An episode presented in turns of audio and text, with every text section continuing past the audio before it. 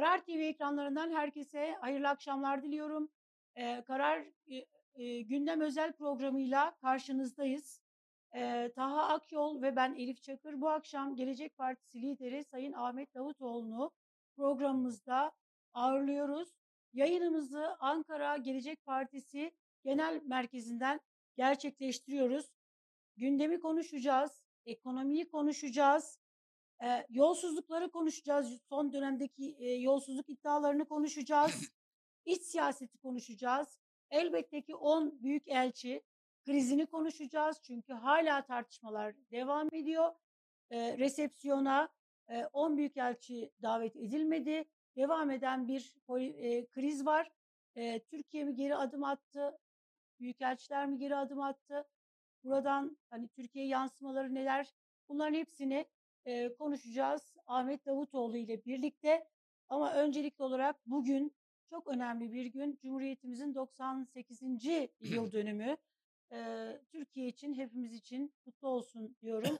E, merhabalar, Merhabalar. hayırlı akşamlar. E, hoş geldik. Siz de hoş Gelecek- geldiniz. evet. biz de Siz de geldiniz. bizim yayınımıza hoş geldiniz. Evet, e, Cumhuriyetimizin 98. yıl dönümü kutlamaları vardı. E, ilk e, bununla başlayalım isterseniz. Ben de e, Cumhuriyetimizin 98. kuruluş yıl bütün Evet. milletimize hayırlı olsun diyorum. Ve e, İstiklal Savaşı'mızın kahramanlarına, Evet. hatta Birinci Dünya Savaşı, Balkan Savaşı'ndan itibaren bir milletin varoluş mücadelesine Evet. katkıda bulunmuş tüm kahramanlara başta Gazi Mustafa. Aralarında da her haneden dedelerimizin, büyüklerimizin olduğu kahramanlara minnet borcunu ifade ederek başlıyorum. Yüzyıllar muhasebe yüzyıllar. Hani her yıl dönüm önemlidir ama yüzyıla yaklaşınca artık asrı deviren devletler tarihinde asır çok uzun bir süre değil. Ama bir açıdan bakıldığında da bu asra o kadar çok şey sildi.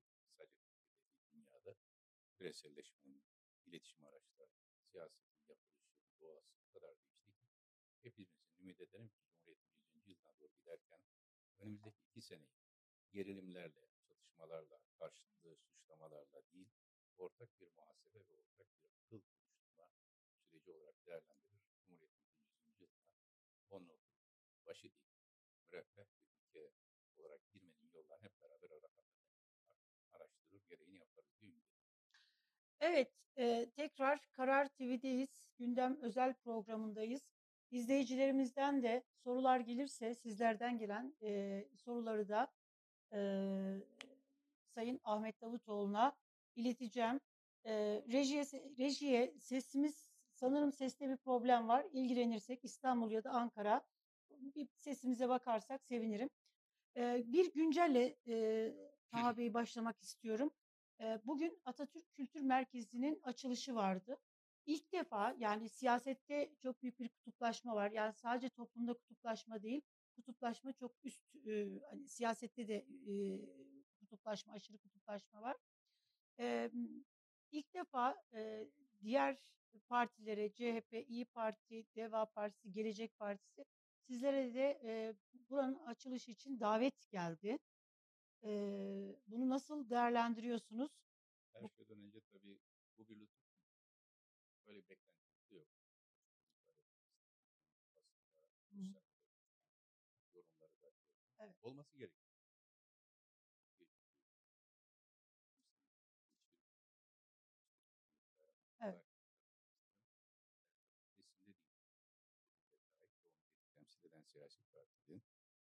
Törenlerde bulunması doğal olandır. Olmaması yanlıştı, olmaması ayıptı. Çünkü bir e, kesim yok sayınca iktidar, e, birilerini yok sayınca yok olduğunu zannetme gibi bir vehme sahip. E, dolayısıyla çok önemli gördüğümüz bir olay değil. Davet geldi. Arkadaşımız Genel Başkan Yardımcımız Selçuk Özdağ bizim adımıza orada. E, gelmemiş olsaydı da çok şaşırmazdık. Ama gelince de davete icabet gerekir diyerek bir katılım sağladık.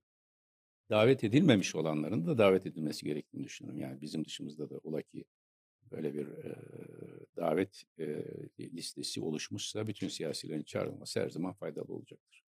E, Bununla BDP'yi mi, HDP'yi mi kastediyorsun? Ki herkes için söylüyorum. Evet. Yani HDP'de HDP dahil olmak üzere. Tabii yani mecliste beraber oturuyorsunuz da bir başka törende niye beraber olmayacaksınız? Yani bunun dışladığınız zaman ne kazanılır? Kim kazanır? Hele hele kültürel bir faaliyet, kültür sanat yapılacak bir merkezden bahsediyoruz. Burada dışladığınız herkes aslında kültüre, kültürsüzlüktür dışlama. Yani adı Atatürk Kültür Merkezi. E, kültürsüzlük, dışlama kültürsüzlüktür, seviyesizliktir. E, yani siyasi siyasal anlamda herkesin herkesle konuşacağı bir zemin e, olması gerekir. Hani katılınmazsa da çok büyük bir kayıp da e, olmuş değil. Şimdiye kadar davet edilmiyorduk, bir şey kaybetmiş değiliz. Katılmış olmak ise, katıl davet ise doğal olandır. Öyle görmek icap Evet. eder. Böyle oldu ama bugün Anıtkabir'de bazı medya kuruluşları da Ha, içeriye evet, alınmadı. işte onu kastettim biraz önce. Evet. Yani Yani Fox TV alınmadı. Ee, Anka ve Cumhuriyet Gazetesi muhabirleri Anıtkabir'deki törenlere de peki şimdi Alınmadı. alınmadı. Bugün akşam oldu. Fox TV, Anka, Cumhuriyet ve başka olay kişi. Kim kaybetti? Kim kaybetti? Eğer e, Anıtkabir e, ulusal bir tören anlamında Cumhuriyetimizin kuruluş yıl dönümünün töreninin gerçekleştiği bir mekansa Cumhuriyetin her unsuru, her kesim orada olmalı. Akşam oldu birilerini almadınız diye bu yayın organları yayınlarını mı değiştirecekler? Ya da bir başka çizgiye mi gelecekler? Burada almayanlar kaybeder, dışlayanlar kaybeder. Ben gerçekten bir taraftan Cumhuriyet'le ilgili o birlik beraberlik mesajları yayınlandıktan sonra yayın görü, düş- yayın ilkeleri ne olursa olsun herhangi bir yayın kuruluşunun bir törene alınmayışını e, şiddetle kınıyorum ve bunun e, Cumhuriyet fikriyle de uygun düşmediğini ifade etmek isterim. Şimdi son olay e, e, siz Dışişleri Bakanlığı yaptığınız gibi Dışişleri Danışmanlığı yaptınız. Ayrıca e, akademik e, kariyeriniz de o konuda. E, 10 e, büyükelçi meselesi. Evvela büyükelçilerin bir konuda 10 tanesinin bir araya gelip bildiri yayınlaması diplomaside müteamil değil, teamül değil. Niye böyle yaptılar? Hükümetin tepkisi de belli. Siz başbakan olsaydınız parlamenter sistemde ya da sizin zamanınızda böyle bir olay olsaydı e, durumu siz nasıl Bir yönetirdiniz? kere bizim zamanımızda böyle bir Persona olay, non grata der miydiniz? e, böyle bir olay olmazdı. Çünkü Neden olmazdı? Türkiye'yi buraya getirmezdik. Bu büyükelçiler hadsizlik yapmışlardı açık ifade edeyim. E, Osmanlı Devleti'nin 19. yüzyıldaki son yüzyılında değiliz. İstanbul sefirlerinin davrandığı gibi davranamazlar. 21. yüzyılın Ankara'sındayız, Cumhuriyet'teyiz. Dolayısıyla kimse Türkiye ultimatom verir gibi konuşamaz. Ama peki sorunun bir yönü de şu. Niye bizim dönemde olmazdı biliyor musunuz? Bizim dönemde e, e, bir yönetimimiz altında biz Rahip Bronson davasında ya da Deniz Yücel davasında mahkemeye müdahale edip daha yargı süreci devam ederken onları suçlu, casus, hain, en büyük suçlarla itham edip sonra bu can bu tendeyken bunları vermeyiz dedikten sonra Trump'ın bir telefonuyla onu salıvermezdik. Bu nereden doğdu bu alışkanlık? Yani büyükelçiler böyle bir had, dini aşma davr tavrının cesaretini nereden alıyor? Şuradan aldı. İki tane örnek olay. Bir, Rahip Bronson olayı. İki, Deniz Yücel olayı. Birinde Trump müdahale etti ve vermem, canım tendeyken vermem diyen AK Parti Genel Başkanı diyeyim. Çünkü Türkiye Cumhuriyeti Cumhurbaşkanı'na bu yakışmaz. Böyle bir e, tavır değişikliği. E, Sayın Erdoğan ertesi gün gönderdi. Ve Bronson bir kahraman gibi Beyaz Saray'da ağırlandı. Evet. Şimdi e, ikincisi... Teşekkür etti. Tabii. İkincisi Deniz Yücel davası. Yine ağır ithamlar. Suçlu, hain, casus, her türlü itham. Yani müebbetle yargılanacak şeyler söylendi bu kişiler hakkında. Sayın Merkel talep etti. O da serbest bırakıldı. Şimdi bunu gören dışarıdakiler. Yani bir kahramanlık hikayesi çıkarmasınlar burada içeri. Dışarıdakiler ne düşünür? Ben bunu açık söyleyeyim. İsmini vermeyeyim birkaç ülke. Tahmin edebileceğiniz ülkeler. Benzer şekilde davranırlardı. Biz de arabuluculuk yapardık Avrupa ülkeleriyle bu ülkeler arasında. Ve o ülkelerin vatandaşlarının bırakılması için ben birkaç kere arabuluculuk yaptım. Yani siyasilere giderek ya şu e, iki tane örnek olay, iki Alman gazeteciyle ilgili olarak, bir grup İngiliz askeriyle ilgili olarak vaktinde biz arabuluculuk yaptık ki ülkeler arasında geçişken şey, şey olsun diye. Ama kanaat şuydu, siyasi irade karar verir, onlar serbest bırakılır. Şimdi Türkiye'de siyasi iradenin kararı ve o zaman biz açıkçası o ülkeler adına üzüntü şey duyardık ya. İyi ki Türkiye böyle değil. Biz böyle olmayız derdik. Şimdi benzer durumda siyasi iradenin yargının üstünde olduğu bir ülke olarak Türkiye görülüyor. Biz buna izin vermezdik tabi. Çok açık söylüyorum. Bizim dönemimizde böyle bir rezalet yaşanmazdı. 10 büyükelçi rezaleti, Bronson rezaleti ve Deniz Yüce rezaletin üzerine yaşanmıştır. Onlar yaşanmasaydı bu yaşanmazdı. Bu şey anlaşıldı. Herkes Tayyip Erdoğan'ı çözdü. Baskı yaparsın ve istediğini alırsın. Yapmazsan alamazsın. Yaptığın zaman da yargı bağımsızlığı diye bir şey kalmaz. Erdoğan talimat verir, yargı bırakır. Şimdi bu algı oluşmasına sebebiyet vermesi dolayısıyla bu krizin birinci sorumlusu 10 büyükelçi ise yani diplomatik tahammüllere aykırı davranış için o sorumluluğunun zeminini hazırlayan da bu iktidardır. Dolayısıyla bizde böyle bir kriz yaşanmazdı. Haddini e, bu- böyle bir şey olmadığı halde birisi bir hadsizlik yaparsa da gereğini yapardı. Kim geri adım attı? Bizim e, iktidar yanlısı medyaya göre büyükelçiler geri adım attı. Hayır. Batı basına göre bizim hükümet. Çok açık. Şimdi ucuz kahramanlık bu. Viyana Sözleşmesi'nin 41. maddesine uygun davrandık. Tweet'in şeyi bu. İç işlerine müdahale etmedik diyor. Yani şunu demiyor. Osman Kavala e, e, konusunda yaptığımız açıklama yanlıştı demiyor. Özür dileriz demiyor. Yani biz bir yanlış yapmadık ki özür dileyelim diyor aslında Büyükelçi. Ve merkezleri de nihayet Büyükelçiler merkezlerden talimat olarak şey yapar. Almanya ve Amerika'da açıklama yaptı. Büyükelçilerimizin açıklamasının arkasındayız dedi. E madem bu kriz aşıldı, niye resepsiyona bugün Büyükelçileri çağırmadınız? E madem böyle bir kahramanlıkla büyük bir başarı elde ettiniz tamam. Niye? Çünkü onlar da çok iyi biliyorlar ki. Hatta Sayın Erdoğan da bu konuda emin olmadığı için başta çok istekli davranmadığı bilgisi var. E, onlar da biliyorlar ki yani iktidardakiler ve Sayın Erdoğan. Bu geri adım diye bir şey. Geri adım nedir? Bakın size bir örnek vereyim. Dik duruş devam ediyor olamaz Yok, mı? ya- Yani yok, dik- büyükelçilerin davet Yok, edilmesi. yok öyle yok canım. Ne öyle büyükelçiler üzerine deyip duruş sergilenmez. Büyükelçiler nerede olursa olsun elçiye zeval olmaz sözü de oradadır. Aldıkları talimatları şey olduğu, olduğu için bizim büyükelçilerimiz de dışarıda yani büyükelçiler sadece Türkiye'de değil ki bizim büyükelçimiz de biz büyükelçilere ne kadar hürmet gö- şey görüyor. Onu orada bizimkiler de onu görecekler. Nerededir bakın şimdi? Davos gecesini hatırlasın bütün milletimiz. Geri adım nasıl oldu? Sayın Cumhurbaşkanı, o zaman Sayın Başbakan Şimon Peres'le tartıştı. O geceyi yaşayan herkes bilir. Yer gök efendim Türkiye'ye büyük zarar verilecek, şu olacak, bu olacak derken Şimon Peres Say- Sayın Erdoğan aradı ve özür diledi. O özür benim telefonumda dilendi. Benim telefon, bizim yaptığımız perde arkası diplomasiyle Şimon Peres'in danışmanı üzerinden yaptığımız diplomasiyle bir saat kadar sonra, bir buçuk saat kadar sonra özür dilendi. Ama açık kayda da aldık. Özür dile Şimon Perez'in Sayın Erdoğan'dan özür dilemesini siz mi sağladınız? Evet. Perde gerisi diplomasi yapan benim. Bunu yaşayan herkes bilir. Benim telefonumdan, küçük ayakları çıkıyor. Benim telefonumdan özür diledim. Dilettik yani Türkiye'nin gücü ben şahsen. Ve bunu Sayın Babacan da bilir çünkü yanımdaydı. Hani O zaman Şimon Perez sizi aradı, siz telefonu Sayın Erdoğan'a verdiniz. Evet. Öyle Şimon? Perez'in danışmanı beni aradı. Şimon Perez'in işte o telefonunu verdi. Ben de tam da helikoptere biniyorduk. Sayın Babacan da Dışişleri Bakanı'ydı. Binmeden önce Sayın Başbakanım Şimon Perez telefonda özür dileyecek dedim.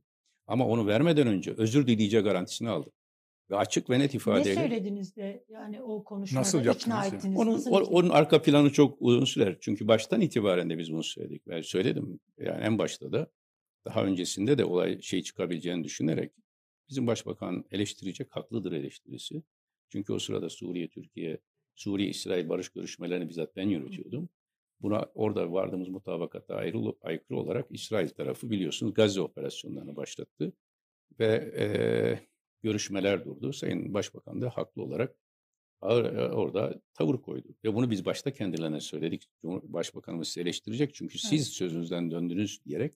Onun arka planı başka bir vesileyle görüşürüz. Ama herkes biliyor ki e, Türkiye'de karamsar o gece böyle kara e, kabus görenler o özürle birlikte bir anda bütün şey değişti diplomaside. Türkiye'nin pazarlık gücü ne kadar artmış olduğu gözüktü. Kayıtlı bir şekilde. Şimdi bunu niye söylüyorum? Bu kadar net ifade kullanılmadıkça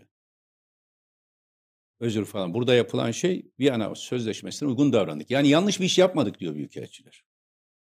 Onun üzerine bir krizi çöz. Ha kriz çözülmesi mi? Bence iyi.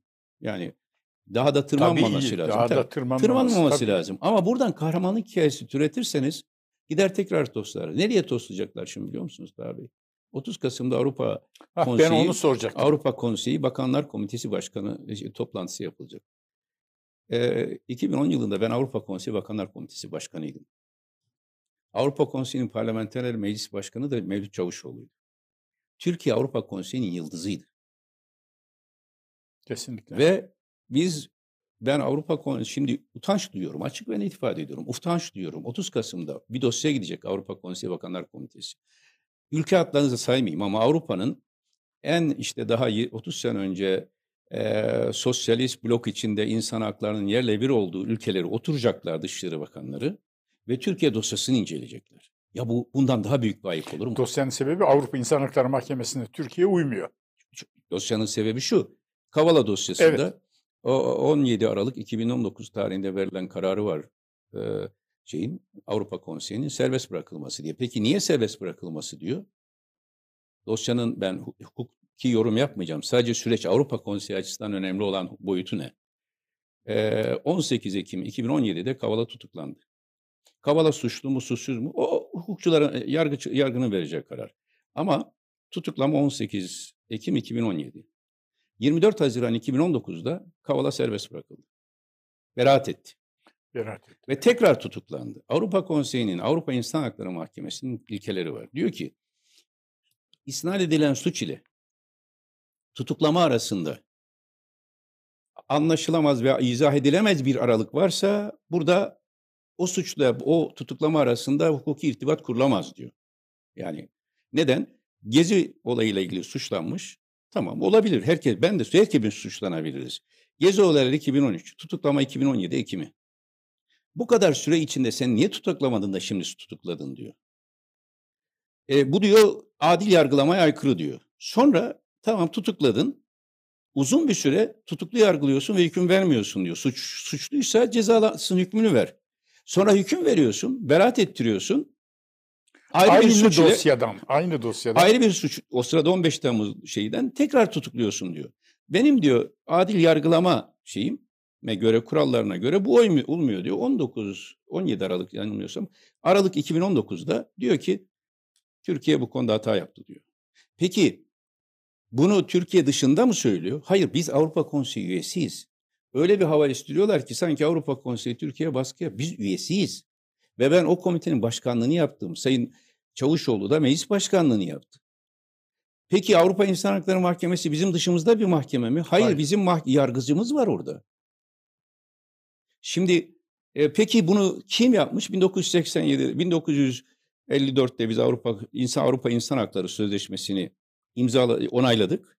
İnsan Hakları Sözleşmesi Avrupa İnsan Hakları Mahkemesi'ne mesnet olan 1987 rahmetli Özal döneminde bireysel başvuruyu kabul ettik. 1989'da bunu onadık. 2004'te Evet. bizim yani Sayın Erdoğan'ın başbakan olduğu ve bizim de büyük reformlar yaptığımız o ilk yıllarda biz uluslararası milletler arası e, insan hak ve hukuk e, söz temel hak ve hürriyetler konusunda millet e, olan milletler arası anlaşmaları, sözleşmeleri ulusal kanunların üzerinde kabul ettik. E bu yanlış bir şey mi? Hayır. Bu egemenliğe gelelim. aykırı mı? Bu Hayır. 30 Kasım'a gelelim. He, şimdi bu olunca Türkiye'de bu konuda adım atmayınca bu dosya Avrupa İnsan Hakları Mahkemesi'nden Bakanlar Komitesi'ne gönderilir. 46. madde yanlış hatırlamıyorsam 46. maddeye göre de Türkiye'nin yükümlülüklerini yerine getiremedi, getirmediği gibi bir suçlamayla şimdi Türkiye yargılanacak. Allah aşkına değer mi? E, Ben Rahip Bronson'la ilgili de Deniz Yücel'le ilgili de Asuman Kavala aynı şeyi söylüyorum Kavala. Suçsuzlarsa bırakın. Suçlularsa Bu kadar İspat uzun edin, yargılama uzun yargılamayın, verin hükmünü. Ni- nihayet bunun delilleri, ayrıca o davada, Gezi davası bir- birçok e, benzer sanıklar da serbest kaldı. Verin hükmünü ve deyin ki ya biz yargıladık, delili şu, hükmü şu, bunu da Avrupa İnsan Hakları Mahkemesi'ne sunun. Yok, bunları yapmayacaksınız.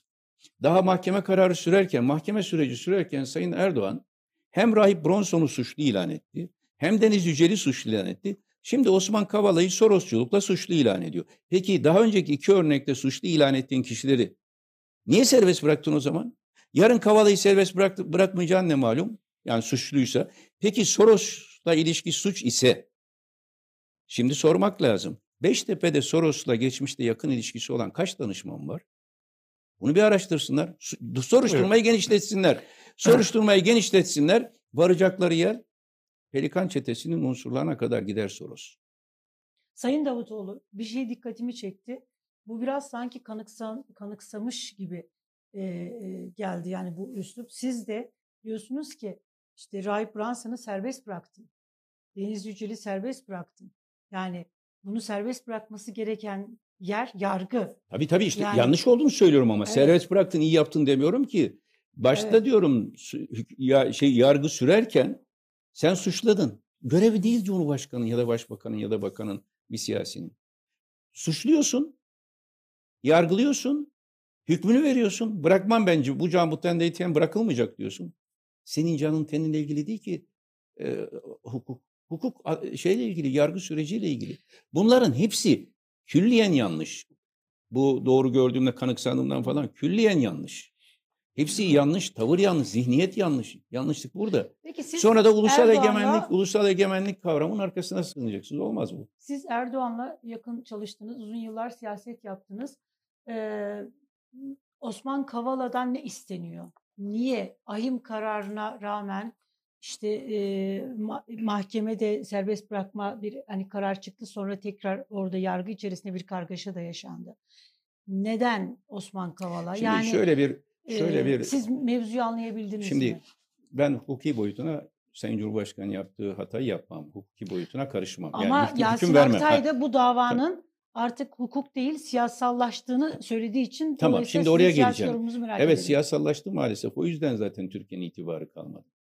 Eğer e, onun için soruyu genişle şey yaptım. Ciddi eğer bu suçlamalar ciddiyse o zaman Soros e, e, ile irtibat bir suçlama sebebiyse ki öyle yansıtılıyor. Tamam. Olabilir. Böyle bir network. Geçmişte de başka ülkelerde müdahil olduğu gibi iddialar var. Tamam o zaman genişletin dosyayı. Soros'la kimin irtibatı varsa hepsini alın delilleriyle ortaya koyun. Ama görecekler ki onları yaptıklarında Beştepe'ye kadar gidecek bunlar. Çünkü Soros'la doğrudan irtibatlı ve onunla birlikte çalışmış danışmanlar var. Soros'la doğrudan irtibatlı isimlerin yer aldığı Boğaz, e, meşhur yalı var. Şimdi o zaman nereye kadar? Yani mesele şu. Niye?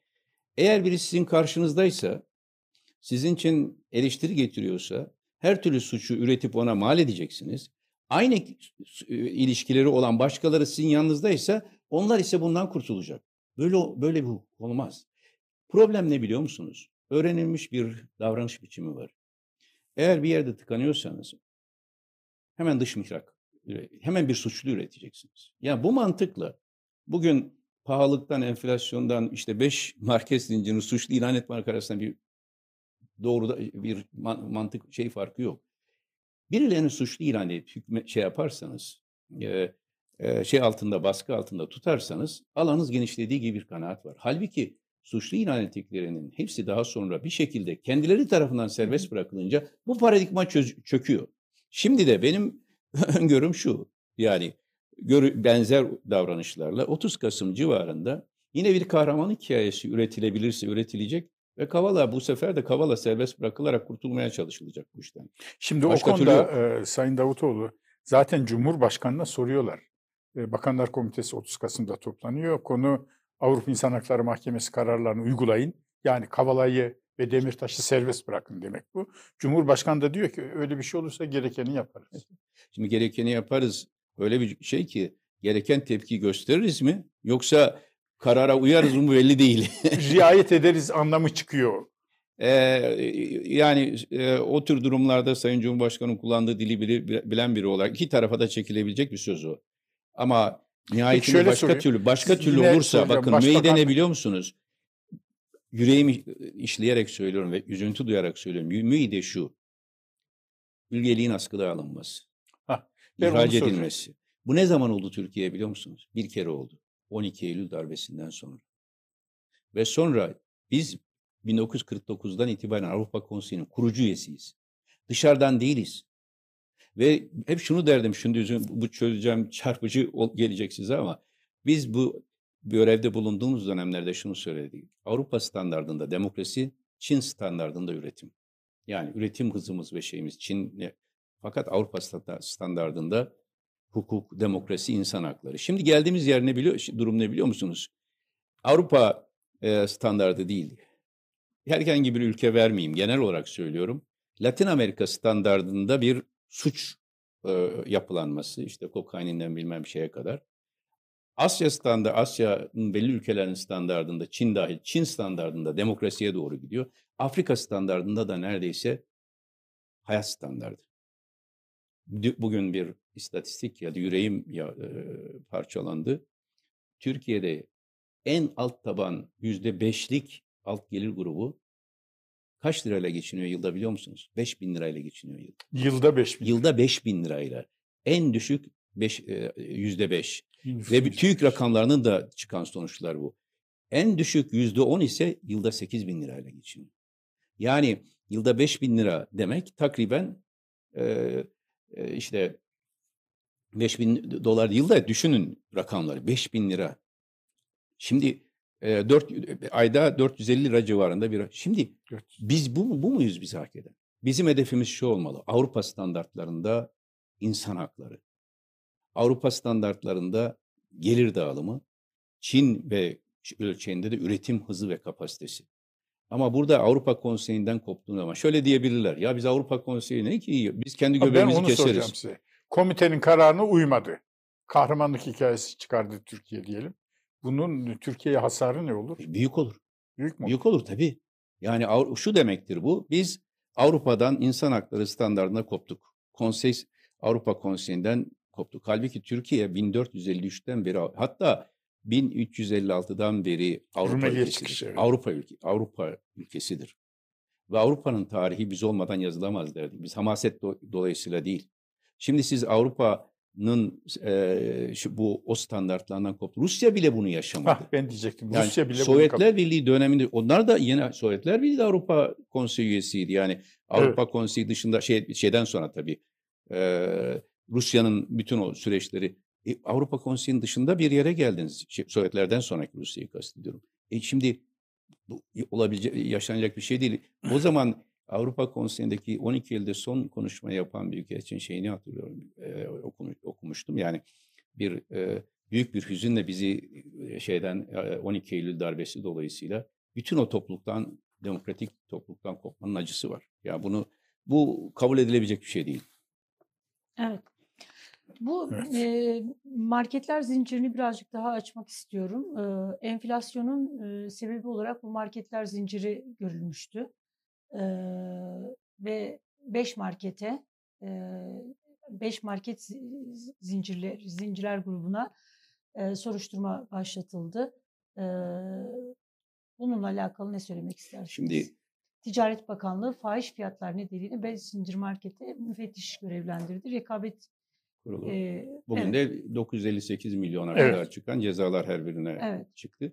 Şimdi bir kere demin bir markette yargıya gidecek demin söylediğim alakalı. zi- e, zihniyetin bir yansıması. Şöyle ki e, Sayın Erdoğan bir parti genel başkanı gibi davranarak şunu diyor. Bu ülkede sanki Cumhurbaşkanı o değil. Hiçbir suç bize ait değil. Her her her her konuda bir suçlu var. Evet. Ee, hukuk eksikliği şey, eksikliği ise dış mihraklar suçlu. Demokrasi eksikliği ise muhalefet suçlu. Hiç sanki onlar iktidarda değil. Enflasyona mücadeleyi kim yapacak? Enflasyona mücadelenin birinci sorumlusu Merkez Bankası'dır. Merkez Bankası'nın misyonu enflasyona mücadele. Herkes faize bakıyor. Halbuki faizi niye elinde bir enstrüman olarak kullanır Merkez Bankası'nın? Faiz, enflasyonu kontrol etmek için kullandığı bir enstrüman olarak görür. Kur da faiz şeyde böyle. Peki enflasyonun üretim arz talep dengesinin sorumlusu kim?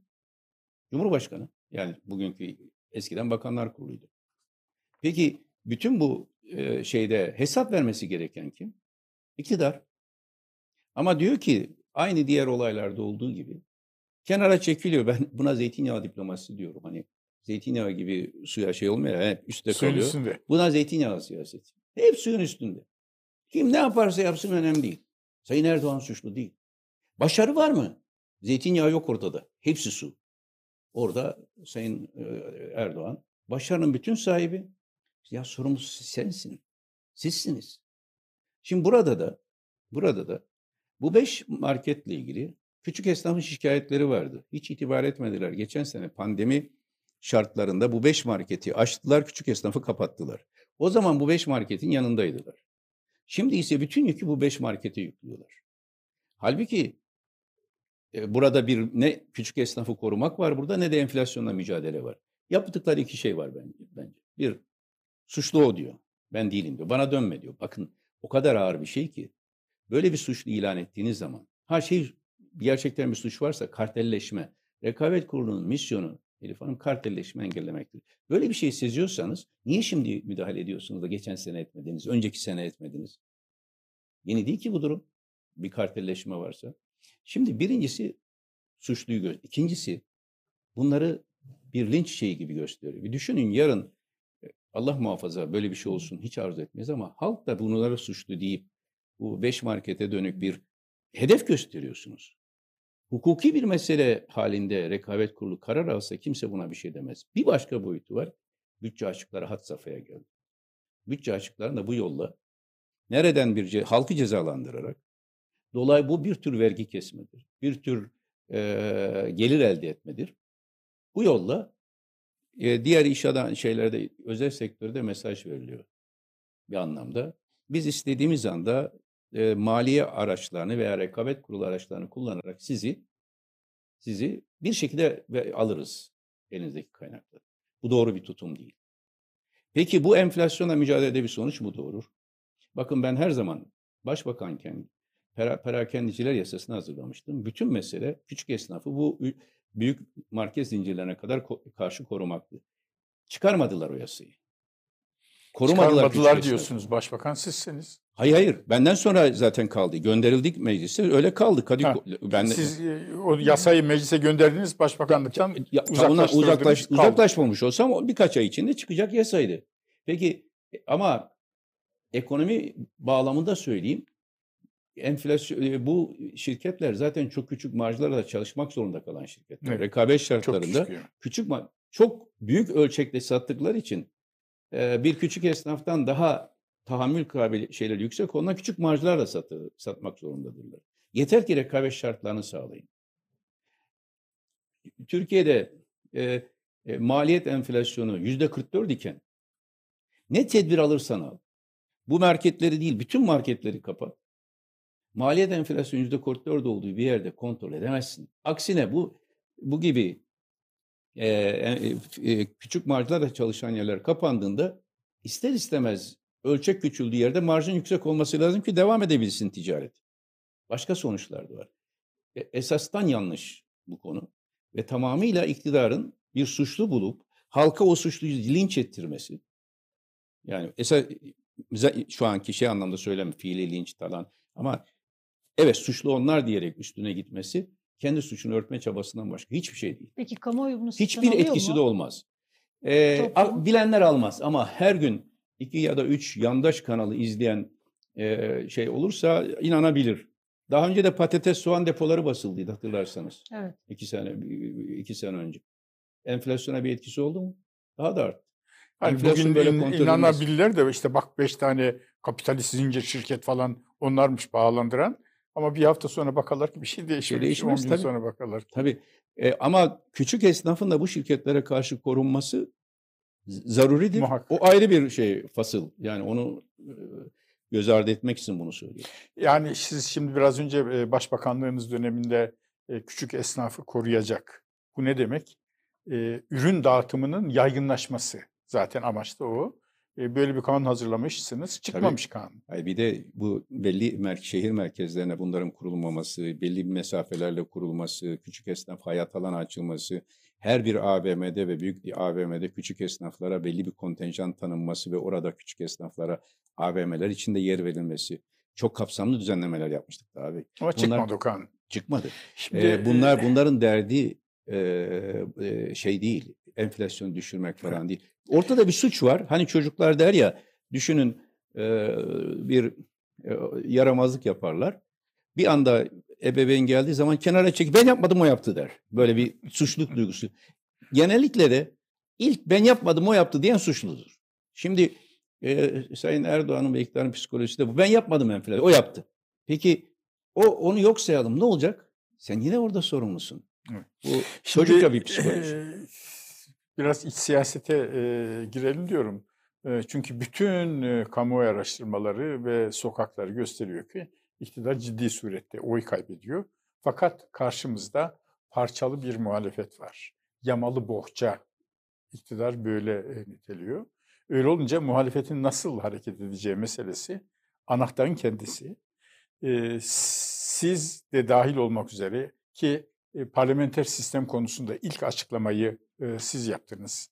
E, altı parti beraber çalışıyorsunuz. Ama iktidarla, Cumhuriyet e, İttifakı'yla hiç böyle ilişkiniz yok. Sizi Millet İttifakı'na daha yakın görebilir miyiz? Yoksa kafanızda e, Cumhur İttifakı, Millet İttifakı biz üçüncü bir çekim merkezi oluşturalım diye bir politika var?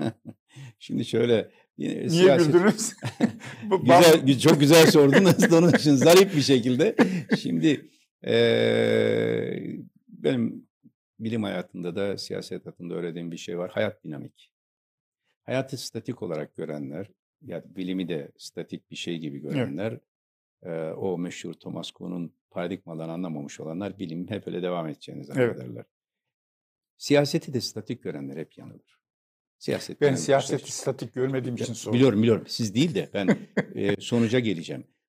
Açık söylüyorum. Millet İttifakı'na yakınlığımız konusuna ayrı geleceğim ama Cumhur İttifakı'na çok çok çok uzaktayız. Neden böyle bir algı var peki?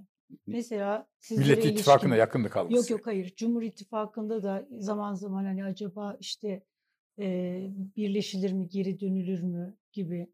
O Evet. genellikle e, şundan e, Anadolu'da benim de gittiğim yerlerde çok olan bir soru. Tabi'nin sorusunu unutmadan parantez Evet. açıp sizin soruya cevap vereyim.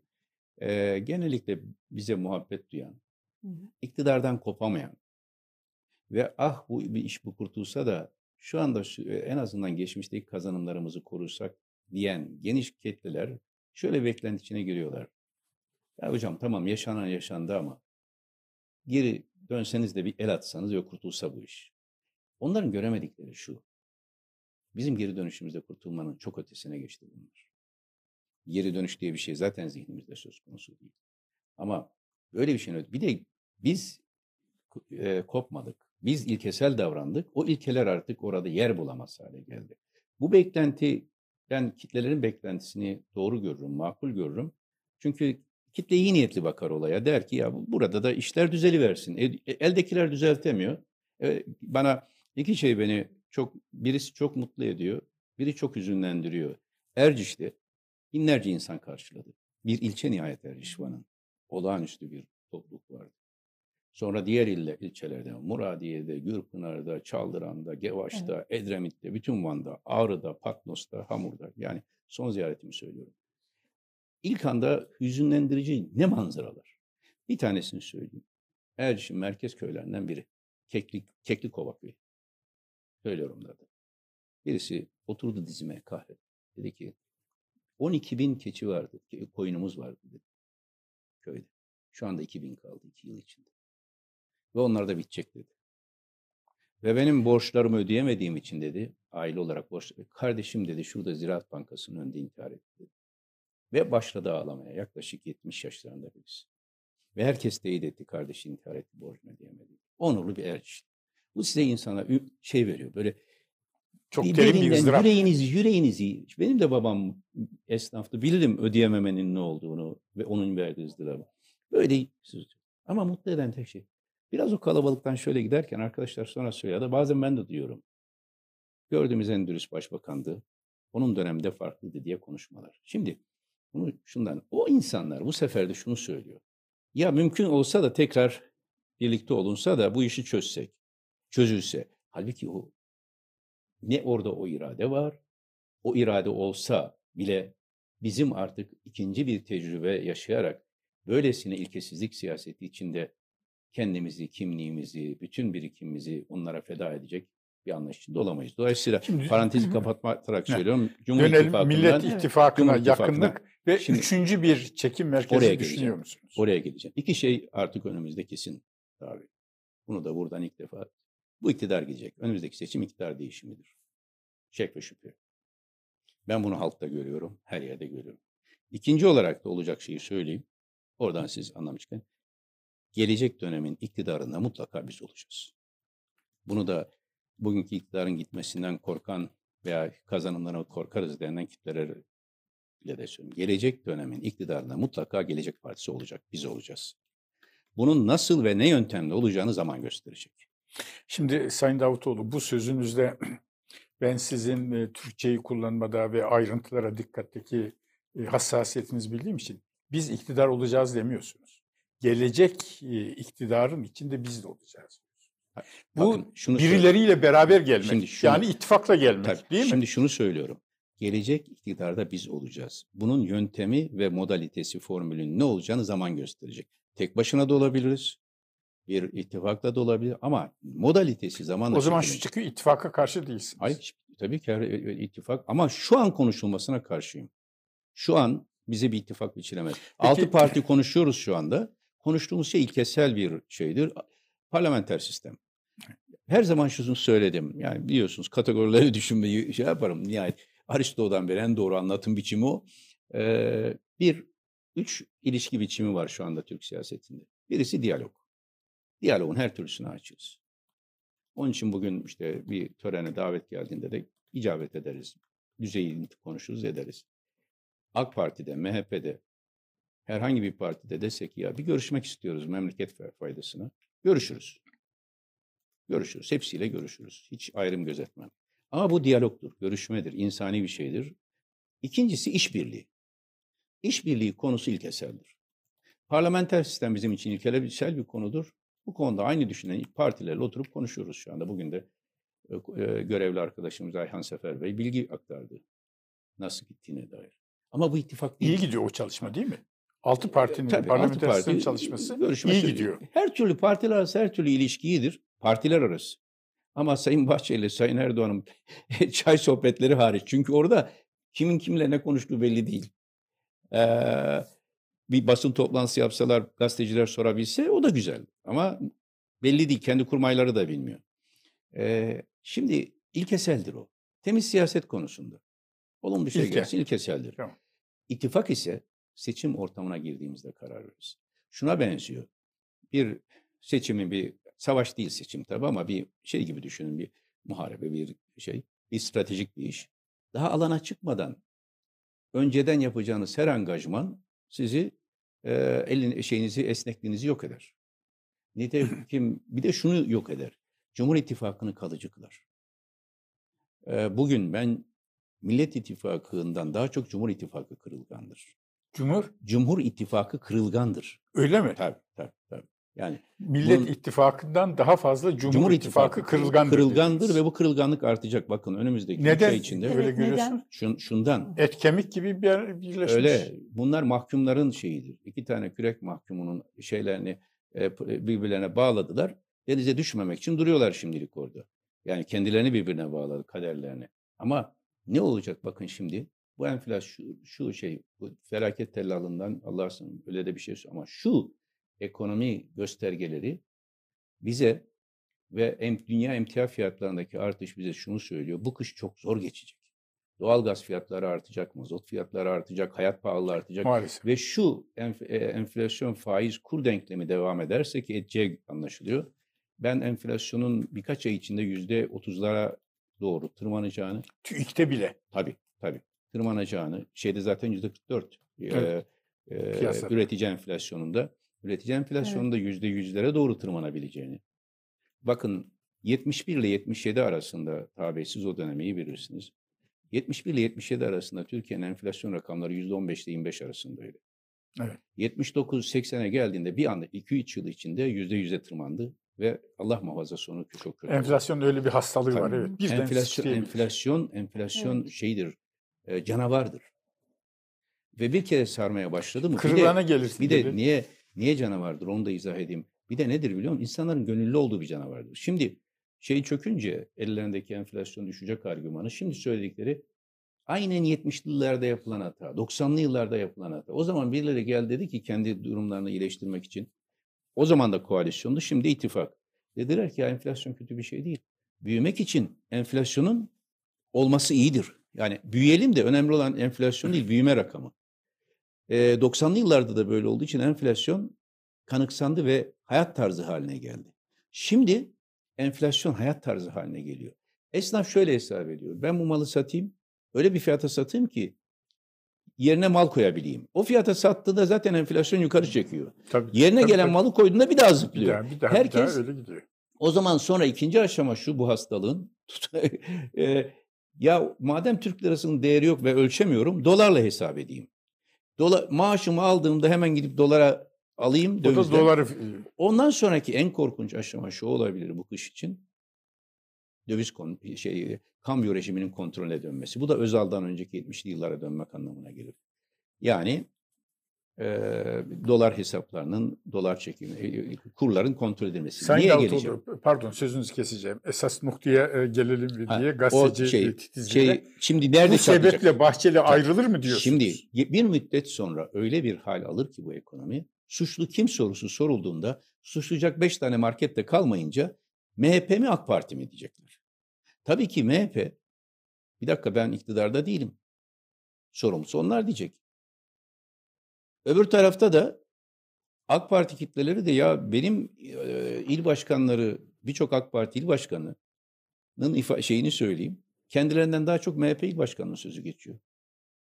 Onlar da diyecek ya biz iktidardaysak niye bizim sözümüz onlar kadar geçmiyor diyecek. Cumhur İttifakı kalıcı değildir.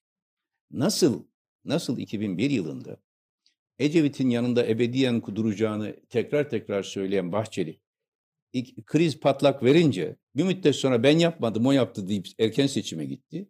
Şimdi de birisi diyecek ki ben yapmadım o yaptı. Bu bu yükle iki parti birden ittifaka şeye gidemez bu yükle. Seçime ikisi birden çöker.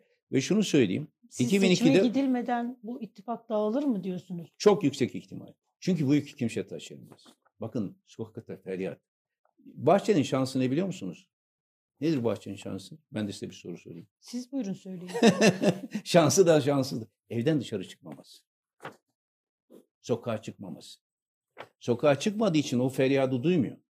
Dolayısıyla evinde, e, evinde derken sadece değil belki genel merkeze de gidiyorum mutlaka ama evinde o baskıyı görmediği için hissetmiyor ama MHP yönetimi hissediyor bunu. Hissedecek. MHP il başkanları hissedecek. O halk feryat edip ya siz berabersiniz dediğinde ne diyecek? Ne diyecek? Feryat ediyor. Bakın ne diyorum. 5 bin liraya geçiniyor yüzde beş. Yüzde beş ne demek biliyor musunuz? Yılda Se- 5 bin. Yılda 5 bin lirayla geçiniyor. 84 milyon, yüzde on olsa işte sek- e, 8,5 milyon. 4 milyon 250 bin kişi Türkiye'de yılda 5 bin lirayla geçiniyor.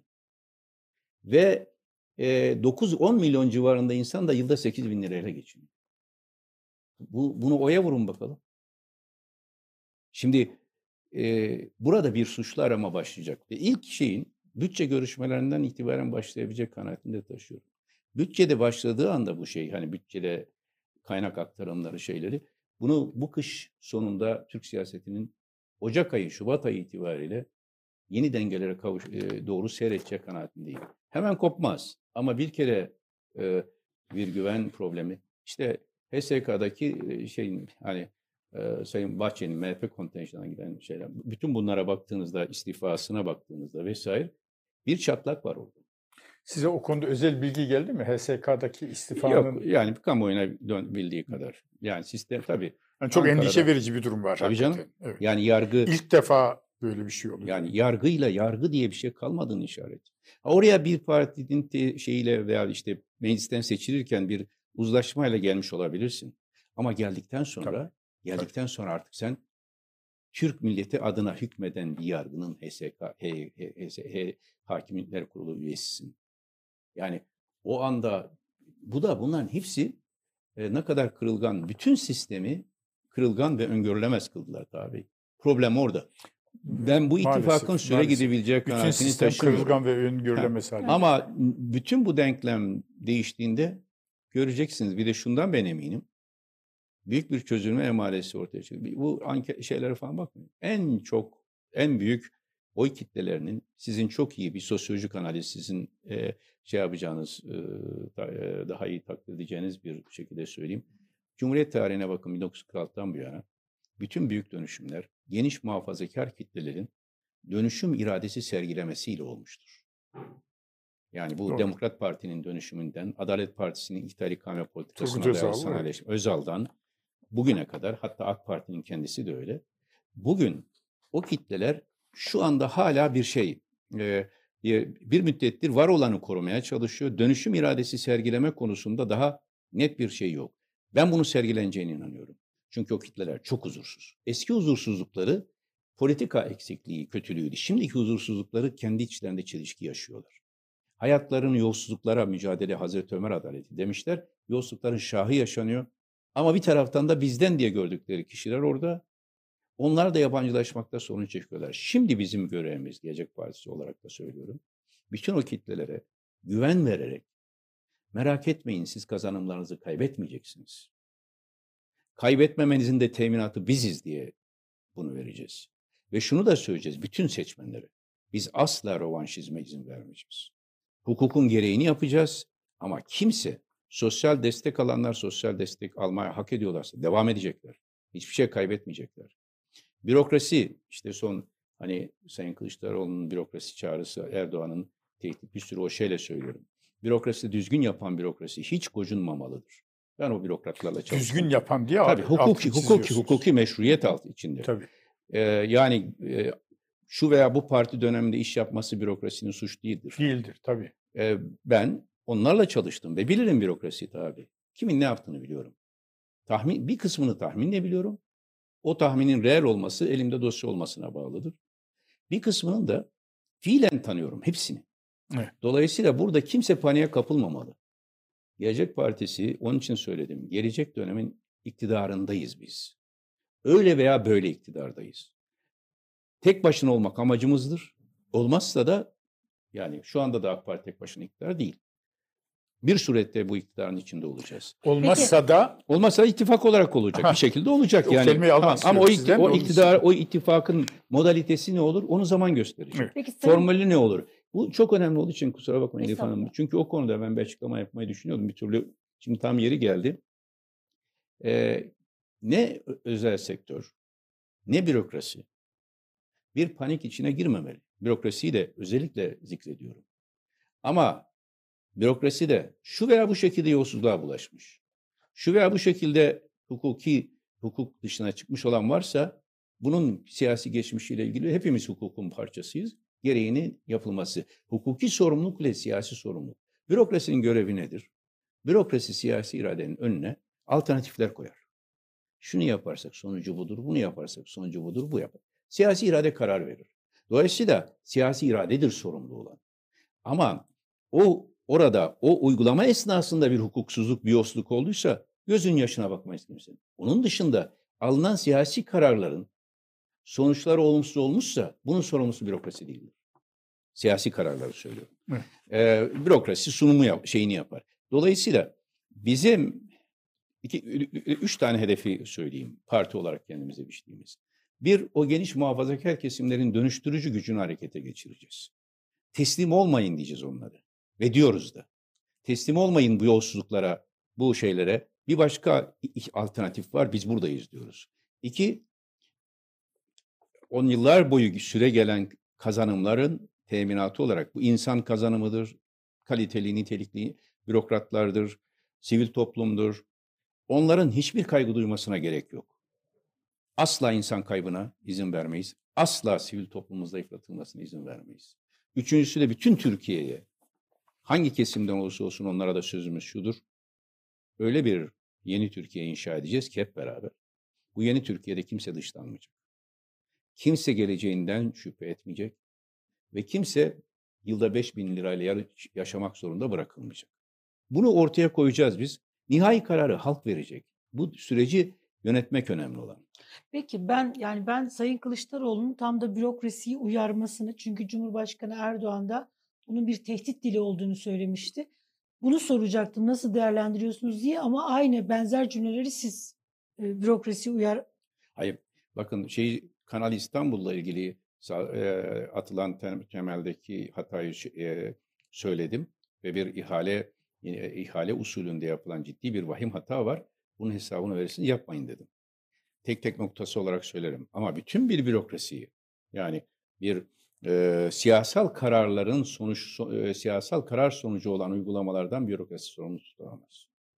Kemal Bey'in uyarısını Onu, bürokrasiye... onu Kemal Bey'e söyleyebilirsin. Ben yanlış anlaşılmayı ortadan kaldırmak için söylüyorum. Yani gelip de bir bürokrasi kıyımı yapılmaması, O hiçbir dönemde olmaması uy- lazım. uyarı yani doğru yapın, yanlışın Tabii altına tabii imza onu biz de atmayın. onu söylüyorum.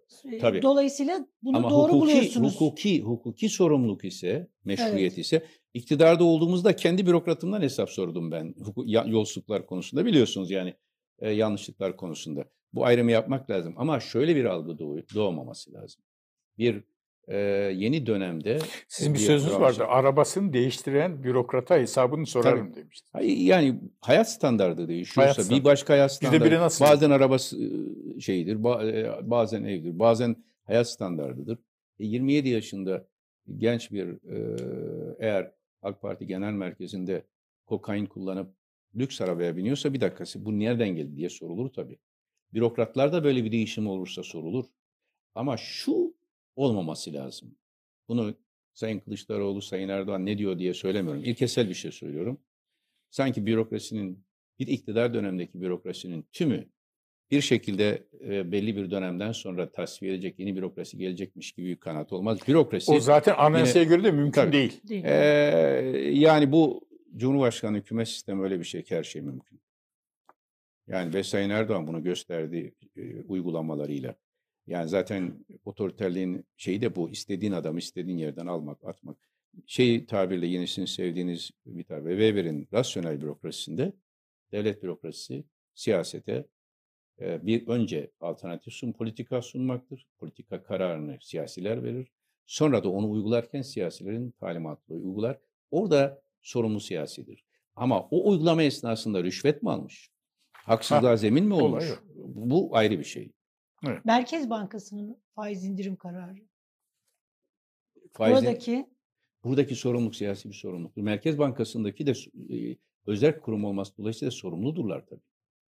Onun için biz yeni getirdiğimiz sistemde ne yapacağız biliyor musunuz? Merkez Bankası'nı mutlak özgür ilan şey yapacağız, özerk, özerk. Yürütmeye değil, Merkez Bankası Başkanlığı gösterdiği hedefleri yerine getirememişse meclisin ihtisas komisyonunda hesap Evet. verir diyoruz. Bizim parti teklifimiz bu. Çok da özgün bir teklif. Yani daha önce hiç düşünülmemiş bir şey. İlk defa biz söylüyoruz. Diyoruz ki yürütme Merkez Bankası'na müdahale etmez. Tamam. Ama Merkez Bankası da öyle e, istediğimi yaparım sonuçta bir sorumluluğum yok özellik diyemez. Siyasi sorumluluk e, hükümete aitse enflasyon politikası konusunda hükümetle koordinasyon içinde çalışmalı. İkincisi yine Merkez Bankası'nın şu fonksiyonu da önemlidir. Başbakan'a o zamanki şeyle söylüyorum danışmandır. O zaman ben Erdem Başçı'yı çağırdım.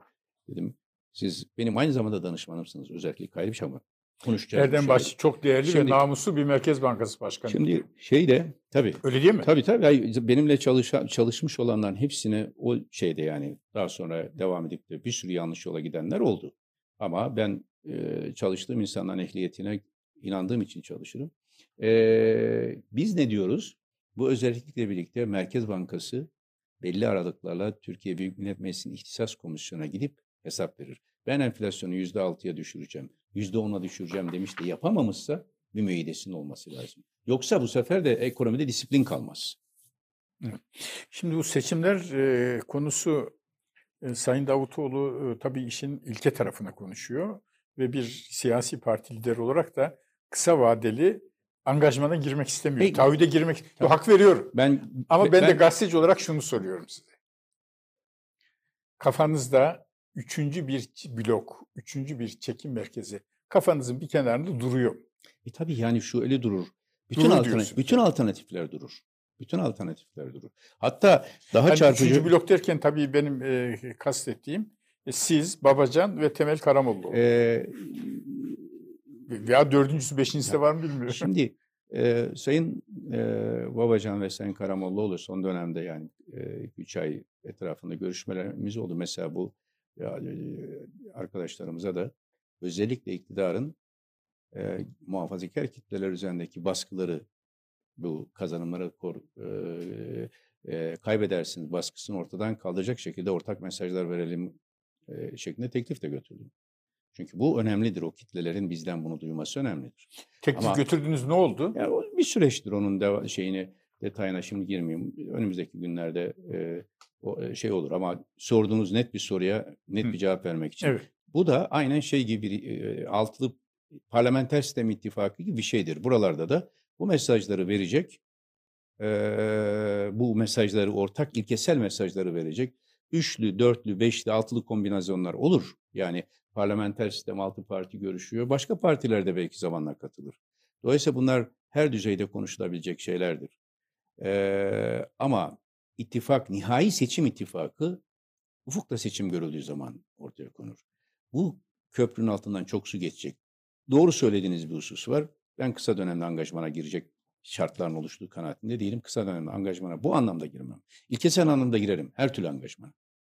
Ama ittifak anlamında girmem. Niye? Ben dün dündür, bugün E, bugündür. ittifaka kapıyı da kapatmıyorsunuz. Kapatmam tabii. Olabilir. Tabii, ama tabii. e, nasıl Tabii, gidiyor bakmam tabii, lazım. Tabii tabii. Bir de benim bizim bir iki yıllık partiyiz. İnşallah Aralık ayında e, 12'sinde büyük, büyük bir resepsiyonla, e, kutlamayla ikinci yılımızı kutlayacağız.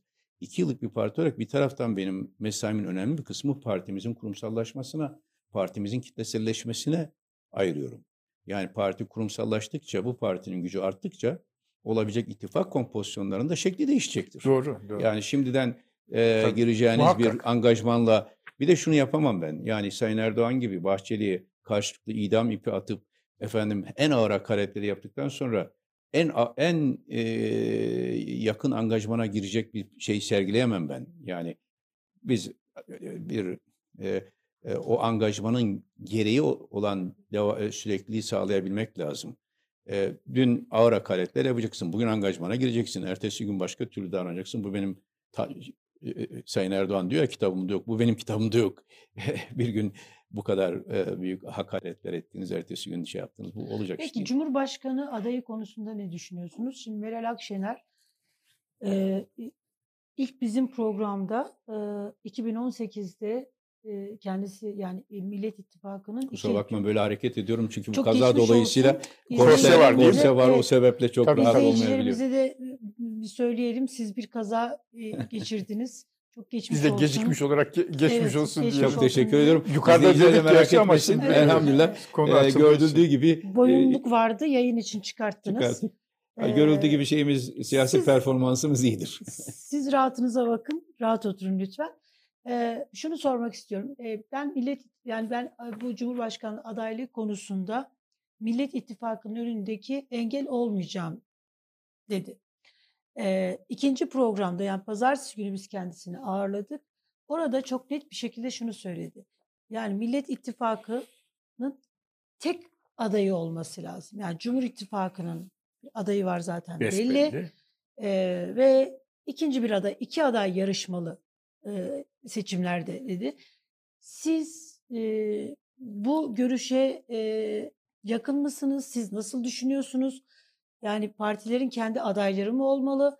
Yoksa e, aday Cumhurbaşkanı adayı konusunda da Millet İttifakı'yla içerisinde yer alır mısınız? Şimdi zaten ittifak içinde yer alıyorsanız her konuda alırsınız. Yani ben ittifakı eğer bir gün ittifak söz konusu Hı hı. olacaksa Millet İttifakı, üçüncü bir ittifak vesaire öyle e, noktasal ve sınırlı bir ittifak anlayışının doğru olmadığı kanaatindeyim. Kamuoyunun önüne çıkılır. Biz şu prensiplerle anlaştık ve şöyle bir süreç yöneteceğiz diye ilan edilir. Yani perde gerisinde gizli pazarlığın yürüdüğü bir ittifak görüntüsünü zaten doğru bulmam. Hani Cumhurbaşkanlığı adaylığı da dahil. Tek parçalı ittifakı çok doğru bulmam. Yani 2018'de Cumhurbaşkanı adayları her parti gösterdi ama parlamenter sistemde, ya parlamento seçimlerinde ortak tavır alındı. İdeal olan her konuda net bir çerçeveyle biz şunları şunları şunları gerçekleştirmek için bir araya geldik demek. Ondan sonra da şunu şu konuda anlaştık demek. Bu bir yol ve yöntemdir. Buna bir şey diyemem. Ama yine tekrar başta söylediğim şeye geleceğim. Bu Cumhur İttifakı'nın e, adayının sabit ve geleceğinin kaim olduğu hükmüne dayanıyor. Evet bu, bu da- dahil, bu dahil her şeye Türk siyaseti açık. Ben partilerin genel yapılarını da bilerek söylüyorum. Türkiye'deki e, sosyopolitik trendleri de takip ediyorum. Yani Türkiye'deki milliyetçi çizginin, efendim e, daha liberal çizginin, sosyal demokrat çizginin, muhafazakar çizginin aldığı seyirlere baktığımızda şu anki Türk siyasetinin dağılımı daha doğal seyrini bulmadı. doğal mecralara akmadı. O yüzden de dikkat edin birbirleriyle çok çelişkili düşünen partiler benzer şeyler söylemeye çalışıyor. Çünkü kitleyi çekmeye gayret ediyor. Daha doğal mecralara oturmadı siyaset. 2018'inde doğal mecradaydı. Hani bir tarafta Cumhur İttifakı, diğer tarafta Millet İttifakı. Ama şu anda doğal mecrada değil.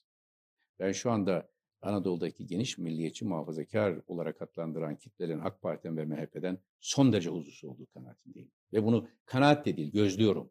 Mesela her yer önemlidir ama iki yere ziyaretim önemliydi son bir ay içinde. Sivas ve Kayseri. Ve gördüm o kitleler huzursuz. Muhafazakar kitleler huzursuzlanmaya başlamışsa o geniş, ayırmayayım bütün kitle için ama hani şu anki iktidarın altyapısında o kitleler olduğu için söylüyorum. Bir dönüşüm yakındır demektir. Bu 83'te düşünün ne hesap etti evren seçime giderken ben bir aday gösteririm. Bütün o kitleler bir tarafta Sosyal Demokrat Necdet Çalp vardı. Hepsinden Allah rahmet eylesin. Bir tarafta ben bir aday gösteririm Turgut Sunalp'ı seçerler dedi. Ama o ki, huzursuz muhafazakar kitle yok bir dakika dedi. Sen karar, sen darbe yapmış olabilirsin. Ama sen karar Senin veremezsin. anayasana da yüzde doksan Veririm. evet derim. Veririm ama sen karar veremezsin. Ben veririm o kararı dedi. Ve rahmetli Özal orada doğru yaptı. Ama şey oldu. Hatırlarsanız e, bu sefer seçim yasakları, siyasi yasaklar geldiğinde de Özal'a döndü. Ve aynı muhafazakar kitleler dedi ki bak seni seçtim ama kendi ilkene aykırı davrandın. Yasakçı bir tutuma girdin. Sen karar veremezsin ben veririm dedi. 28 Şubat'ta e, o zulüm yaşandı, bin yıl yaşanacak dedi. O generallere, cuntacılara döndü. Sabırla bekledi. Sonra döndü dedi ki sen karar veremezsin ben veririm. Şeyde de Şimdi ne diyecek muhafazakar şimdi, şimdi dönecek o AK Parti. Çok yanlış yaptın. Ve kendi bünyende ve son seçimi kazanan e, genel başkanımız da tasvip ederek kendi bünyende öylesine bir yara açtın ki seni affetmiyorum. Geleceğimi Gelecek Partisi'ne görüyorum diyecek. Hiç tereddütüm yok bunda. Halktan aldığım nabız da bu. Bu kitlelere vereceğimiz ümittir önemli olan. Mücadele azmidir, aşkıdır. Ve onlar net olarak bunu söyleyecekler. Ama ben sorumun cevabını almadım. Öyle mi? Evet. Ben de halbuki gayet iyi Yok. e, yani ben birazcık daha net bir cevap istiyorum. Yani sizin Cumhurbaşkanı adayınız kim olacak? yok Cumhurbaşkanı adayı yani mesela Millet İttifakı e, Cumhur çünkü iki, iki it- ittifaklar siyaseti yürüyor en nihayetinde. Böyle bir gerçek var. Niye öyle canım? Ee, Nereden? ama öyle yani. Bir Şimdi Millet bak- İttifakı var, bir Cumhur İttifakı işte var. statik, konjektürel değerlendiriyorsunuz. Doğru ama şu anda böyle. Ben de bu sistem içerisinde, yürüyen bu sistem içerisinde sizin siz nasıl yani Millet İttif- tek aday mı olmalı yoksa ilk turda bütün Millet İttifakı'nın içerisinde yer alan ya da dışında olan partiler herkes kendi adayını gösterip ikinci turda mı birleşmeli? Sizin öneriniz ne? O, o Şimdi mesela Meral Hanım bu konuda daha net diyor ki tek aday olmalı. Siz ne diyorsunuz bu konuda? Meral Hanım 2018 tecrübesini yaşadığı için tek aday olmalı diyor. Ama e, Sayın Davutoğlu, Sayın Akşener'in tecrübesi hepimiz için bir Tabii tecrübe. tabii hayır hayır. Evet. Oradaki Öyle de- tecrübe de şu, Hı hı. e, Sayın Akşener diyor ki ayrı ayrı adaylar çıktığı zaman adaylar arasındaki rekabet e, muhalefet tabanda gruplaşmalara yol açıyor Doğru ve da- seçime zarar veriyor. Doğru. Haklı. Ben ben iki aday olmasın demiyorum. O ayrı bir bahis. Ama şunu söyleyeyim 2018 on, fark bu. 2018 seçimlerinde yapıldığında AK Parti ve Tayyip Erdoğan'ın gücü bugünkü halinde değildi. Bugünkü gücü o günkünden değildi yani. Ortak çok değişti. Ve şu şey hakimdi. Bakın şu anki Cumhurbaşkanı adayları şey açısından da veya gündeme gelen isimler açısından da o günlerdeki genel hava şuydu. Şeyi Erdoğan'ı şey yapabilmek için hani yenebilmek için e, karşısına bir şey kazanmak için yine AK Parti muhafazakar kitle içinden birinin çıkması lazım. Genel alım. Ee, Ekmet İhsan- İhsanoğlu formülü böyle bulunmuştu 2014'te de. Şimdi İstanbul seçimlerinden sonra CHP içinde de biz kendi başımıza da kazanabiliriz algısı var. Dolayısıyla bu da, bu da o geniş muhafazakar kesimlerde tereddüt doğuruyor ve bir tedirginlik doğuruyor açık söyleyeyim. Şimdi böyle bir tablonun tekrar AK Parti'yi cazibe merkezi haline getirmesi ihtimaline karşı da çok dikkatli olmak lazım. Yani CHP'li olmasın olsun vesaire bunu demiyorum ben. Onun için şimdiden şimdiden Cumhurbaşkanı adayını tartışmayı hiç doğru bulmuyorum. Bunu Sayın Akşener bizi ziyarete geldiğinde de e, kendisine ifade ettim. Ve doğru yaptınız. Hani ben e, Cumhurbaşkanlığı tartışması doğru değil diyerek şimdi aynı şeyi söylüyorum. Muhalefetin Cumhurbaşkanı adayı üzerinde yapacağı her tartışma muhalefeti zayıflatır, aralarındaki çatlağı büyütür, iktidarın gücünü konsolide etme riski taşır. Biz şimdi işimizi yapalım. Anlaşacağımız parlamenter sistem konusu anlaşalım, anlaşacağımız temiz siyaset konusu anlaşalım, zemini hazırlayalım. Ben e, Cumhurbaşkanı bir binanın nihayet şu anda en önemli unsuru olarak görüldüğü için herkes ona yöneliyor ama çatısı. Halbuki ben siyasetin zeminiyle daha çok ilgiliyim. Hangi vizyonla neyi yapacaksınız? Kitleleri nasıl şey yapacaksınız? O çatıyı eğer iyi kurarsanız zemini, çatıda kimin olduğundan olduğu daha az önem taşır. Ama çatıdan başlarsanız, zemin ve sütunları kuramazsanız, o çatıya gelen kişi Erdoğan örneğinden hareketle, bunu ben yaşadım. Yani onlar, onların tecrübesi nasıl tecrübese benim tecrübemdi. Ee, bu o gücü alan birisinin denetlenmesi neredeyse imkansızlaşmaya başlıyor. Onun için ben insanın şahsi taahhütlerinden daha çok sistemik taahhütlerine bakmayı doğru görürüm. Dolayısıyla Cumhurbaşkanı olarak birisinin bir yere gelmesinden daha çok siyasal sistemin nasıl dönüşeceği konusu önem taşıyor. Burada da mesele bir kişi meselesi değil. Hep bizim kolaycılığımız yol açıyor bütün problemlere. İyi bir aday bulalım o çözsün. Yok biz çözeceğiz hep beraber çözeceğiz. Ben bunu erken bir soru olarak görüyorum dolayısıyla. Ve konjektürün e, konjektüre çok bağımlı olmamamız gerektiğini düşünüyorum. 82'nin sonunda Türk siyasi, onun için öne, ondan verdim. Özal, üçüncü bir parti olarak Özal'ın çıkıp kazanacağını kimse öngöremez. Gö görebilir miydi? E, 99 seçimleri sonrasında 3 sene sonra bütün merkez sağın çöküp AK Parti'nin çıkacağını bir öngörebilir miydi? Ya durun bakalım. Bu kış çok hareketli. Gelecek bahar hareketli. O hareketler ne gösterecek? Kinetik fizikle bakmak lazım. Hareketlilik esasına bakmak lazım. Statik bir tabloyla karşı değil, karşı değiliz. Şimdiden bir de eskisi gibi değil. Şimdi maşallah e, sosyal medya öyle bir şey ki alıyor senin görün. Ben şimdi desem ki doğru olan şu, ertesi gün bir başka doğru gelişmiş olsa hemen çıkartırlar benim size şimdi yaptığım konuşmayı. Böyle demiştin, şimdi niye öyle dersin diye hesap sorarsınız. Haklı olarak yani. Şimdi bu kış çok zor geçecek dediniz. Sözleriniz son derece gerçekçi ve ben ciddi bir endişeyle izledim. Hakikaten Türkiye'de 4 milyon insan yılda 5 bin lira, 6 bin lira parayla geçiniyor. Ve kışın bunların ısınması, beslenmesi daha zor hale gelecek endişem toplumsal gerilimin artacak olması, evet. iktidar tarafından kutuplaştırmanın keskinleştirilip ciddi sosyal problemlerin ortaya çıkması, böyle bir ortamda da siyasi cinayetler kavramının gündeme gelmesi. Endişeniz var mı? Nitekim Cumhurbaşkanlığı da dedi ki yatıştırması gerekirken bugünler daha iyi günler dur bakalım. Endişeli misiniz? Açık söyleyeyim, şahsi olarak endişe hiç taşımadım nihayet. Şahsi Hepimiz, değil. Hepimizin. Bahisi şekva, yani hüznü umumi, Namık Kemal yani öyle bizim, diyor. Bizim nihayet inancımızda, düş şeyimizde son nefesi Tabii. takdir eden var. Onun dışında hiçbir şey beni ürkütmez, korkutmaz. O ayrı bir husus. Ama şunu yine siyasi tarihi siz de hepimiz biliyorsunuz. Böyle büyük dönüşümler öncesinde siyasi cinayetlerin arttığı bir vakadır. 1980 12 Eylül'e giderken sizin de yakından tanıdığınız Gün Sazak rahmetli e, katledildi, şehit edildi. Ve Nihat Erim eski bir başbakan. Ve daha birçok, birçok hani sadece siyasi olarak zikrediyorum. Evet. Daha siyasi nitelikli nice şeyler. E, 90'lı yıllara tam demokrasi, soğuk savaş bitti Türkiye'de. Demokrasiye doğru evrilecek ve e, o büyük açık kapatılacak denilen hani 89'da Türkiye büyük soğuk savaş bitip çift kutuplu dünyada alınca en avantajlı ülkelerden biri Türkiye'de arka arkaya cinayetler. Uğur Mumcu, Bahriye Üçok vesaire yani Çetin Emeç. Ve bir baktınız e, Sivas olayı birçok olayla Türkiye bir bir de artan terörle bir şey içine sokuldu, türbülans içine.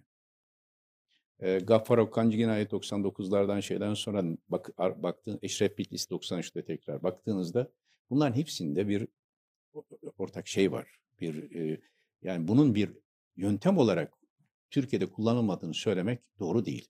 Ha şu anda bunun üzerinde durmak doğru mu? O da doğru değil. Bu dosyayı biz kapatalım, işimize bakalım. Çünkü siyasi cinayetlerin olabileceği kanaati bile toplumda tedirginlik doğurur. Devlet adamı, siyasetçi ol kişidir ki toplumda tedirginliğe sebebiyet vermez. Varsa bir tedirginlik onun gereğini yapar. Sayın Cumhurbaşkanı'nın AK Parti Genel Başkanı olarak bakınız. Cumhurbaşkanı olarak bunu yapmaması lazım zaten. Alıyor şapkayı başına meclisteki konuşmasını seyrettiğimde hani 28 Şubat'ın tanklarını mecliste gösterdi Evet. tekrar Akşener'e karşı. Sayın Sayın Akşener'e karşı, Sayın Kılıçdaroğlu'na karşı da işte Bunlar Saldırıyor. daha günler saldırı, yine öyle bir görüntü, çubuk saldırısı. Ya bu Cumhurbaşkanlığı makamını bırakın. AK Parti Genel Başkanı'na da yakışmaz. Yakışmaz. Ve bu şiddet dilinin gideceği yer yönetici bunu yaparsa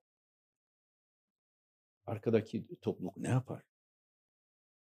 Birileri Ne bundan vazife belli. düşer. Sizin partinize saldırı Tabii. oldu. İyi Parti'ye saldırı oldu. Tabii. CHP'ye saldırı oldu. Tabii. Lideri Ve işin istendi. şey tarafı Selçuk Özdağ yapılan saldırının Evet. müsebbipleri belli, süreç belli, hastane raporları belli, adli tıp raporları belli. Hepsi dışarıda şu anda. Hepsi dışarıda ve ödüllendirilip bir bir e, partinin ismi- şey zikretmeyeyim bir partinin yan kuruluşunda görev. Şimdi Türkiye'yi bu hale getirdiğinizde bir sokak yani sokak gerginliği üzerinden iktidarı sürdürme gibi bir kanaat uyandığı zaman Allah korusun. Allah muhafaza. Biz bunları yaşadık. Kaç kere yaşadık? Ee, 12 Eylül'de, 28 Şubat'ta ve, ve, ve ben buna karşı çok bilinçli davranmak gerektiğini düşünüyorum. Gündemde tutmamak lazım. Evet, Çekinmemek ben de fazla lazım. konuşulmasını doğru bulmam. Çekinmemek lazım. Bu, bu sebeple herhangi bir geri adım atmamak lazım. Ve iktidarın bu konuda yapmakta olduğu e, şeylere de e, efendim e, yanlış açıklamalara da prim şey yapacak yani o açıklamalara da takılıp kalmamak lazım. Biz önümüze bakalım. Peki e, şimdi önümüzdeki günlerde Erdoğan-Biden görüşmesi yani Türkiye'nin beklentisi e, görüşeceği yönünde. Nitekim Cumhurbaşkanı Erdoğan Azerbaycan e, ziyareti Türkiye'nin değil Sayın Erdoğan'ın beklentisi. Say- Sayın Erdoğan'ın e, beklentisi e, görüşeceğiz diyor açıklaması öyle. Be- Beyaz Saray ise bunu teyit edemiyoruz ama olabilir. Yani teyit eden e, bir, bir açıklama yok. Diyelim ki görüşme oldu. Bu görüşmeden siz ne bekliyorsunuz? Hiçbir şey beklemiyorum. Aslında e, Çok şu anda kestirme bir cevap Tabii oldu. tabii tabii. Hiçbir şey beklemiyorum çünkü tarafların pozisyonlarını biliyorum. Yani ben e, diplomasi yakını takıyorum. Niye beklemiyorum? E, nedense bizim kamuoyu e, süreçleri anlamak ve doğru okumak yerine bir toplantıya ya da bir e, görüşmeye, bir kişiye bağlı olarak büyük umutlar besliyor veya büyük hı. hayal kırıklıkları yaşıyor. Şimdi bir kere Amerika Sayın Erdoğan'ı çözdü dedim ya, Batı dışarıdakiler. Şunu anladılar. Sayın Erdoğan'ı beklenti içinde tutacaksın. Beklenti içinde tuttuğunda taviz alman kolaylaşır. Değil mi?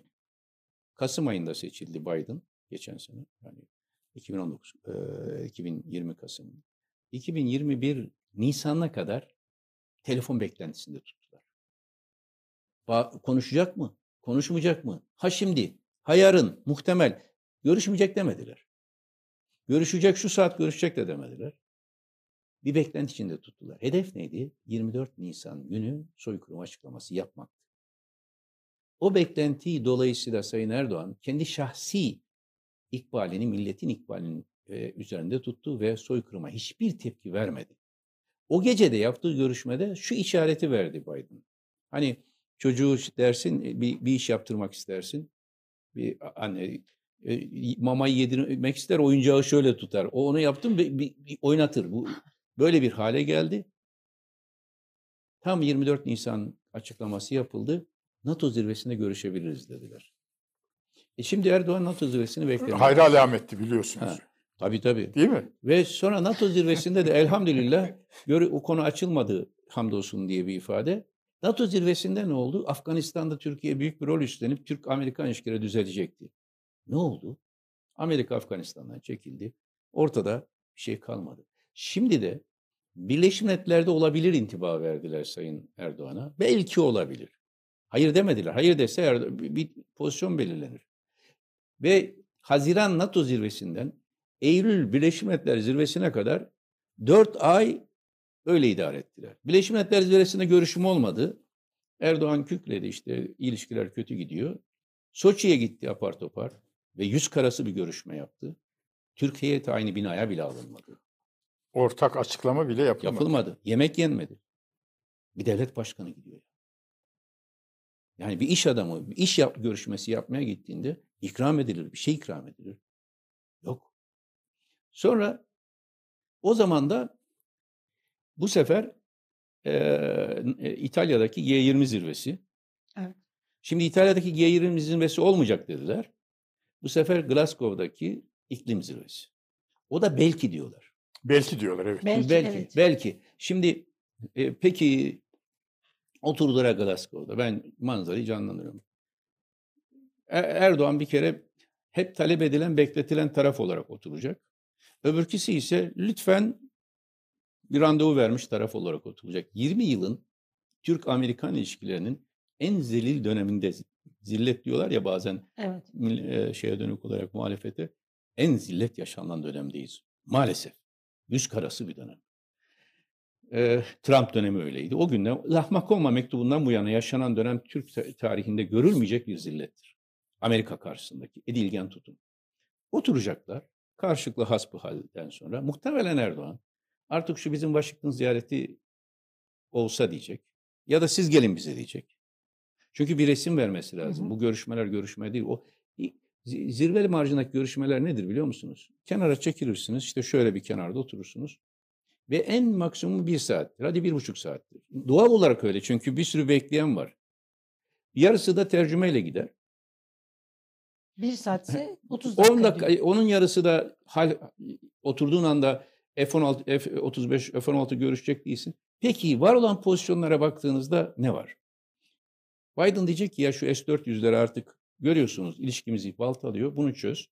Ama Soçi'de Sayın Cumhurbaşkanı sadece S- S-400'ün bir ilk paketi değil ikinci paketi içinde söz vermiş. Hareket alanı var mı? Yok. Ne olacak peki? İkinci şey gelecek. Benim için e, Amerika Türk Amerikan ilişkilerinin şu anda Türkiye en önemli kalemi hangisi? Onlar için farklı olur. Ben o F-35 derim. Ha. F-35. F-35 tabii. F-35. Şimdi bizimkiler F-35'ten çıkınca F-16'nın rehabilitasyonu ile ilgili talepte bulunuyorlar. Bu ne demek biliyor musunuz? Sanayi 4.0'dan geri Evet. dönüp eski sanayiye dönmek gibi bir şey.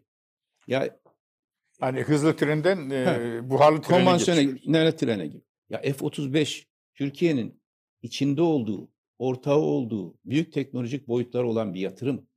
Sen bunun dışında Şimdi nasıl birkaç kalırsın? cümleyle bu F-35 diye konuşuyoruz. Niye önemli? Onu birkaç Çünkü cümleyle söyleyin de bu kadar hava şey yapalım. hava havacılık sektöründe hava savunması hava sa, sa- sa- şeyinde e, Hava gücünde hava evet. gücünde hem savunma hem saldırı F-35'in saldırı Evet. kapasitesi itibariyle caydırıcı kabiliyeti bir paradigmatik sıçramadır F-35. Ve Türkiye yani daha önceki alacak. F-8 şeylerden falan o eski model uçaklardan F-16'ya zıpladı. Özal 90'lı yıllar F-16 ile şimdi F-35 bir üst şey. Bir başka biz teknoloji alacaktık. Tabii Sadece uçağı değil teknolojisini alacaktık. teknolojinin ortağıydık. Yani Konya'daki, Kayseri'deki, Ankara'daki şeylerde bile F-35 parçalarının altyapısıyla ilgili çalışmalar yapılabilecek. Şimdi sen bütün bundan kopuyorsun. Büyük bir teknolojik aktarımdan kopuyorsun. F-16 e, ya, ya razı oluyorsun birkaç milyar dolar şeyden kalan para için. Ya bu zillet. Sen ortağısın bunun. E şimdi burada bir hareket alanı var mı? Amerika F-35'i vermez. Ne zamana kadar e, şey vermez? Şimdi İsviçre Zaten Büyükelçisi, resmi, İsviçre Büyükelçisi geldi. Resmi iki gün önce resmi açıklama yaptılar. Bakın Türkiye'nin S-35'ten çıkması resmen katiyet kesbetti diye açıklama Tabii. yaptılar. e, bakın Taha Bey birkaç gün önce İsviçre Büyükelçisi. İsviçre'nin düşmanı var mı? Yok. Yok. İsviçre nihayet kendisinin tarafsızlığını korumak için bir hava gücü var.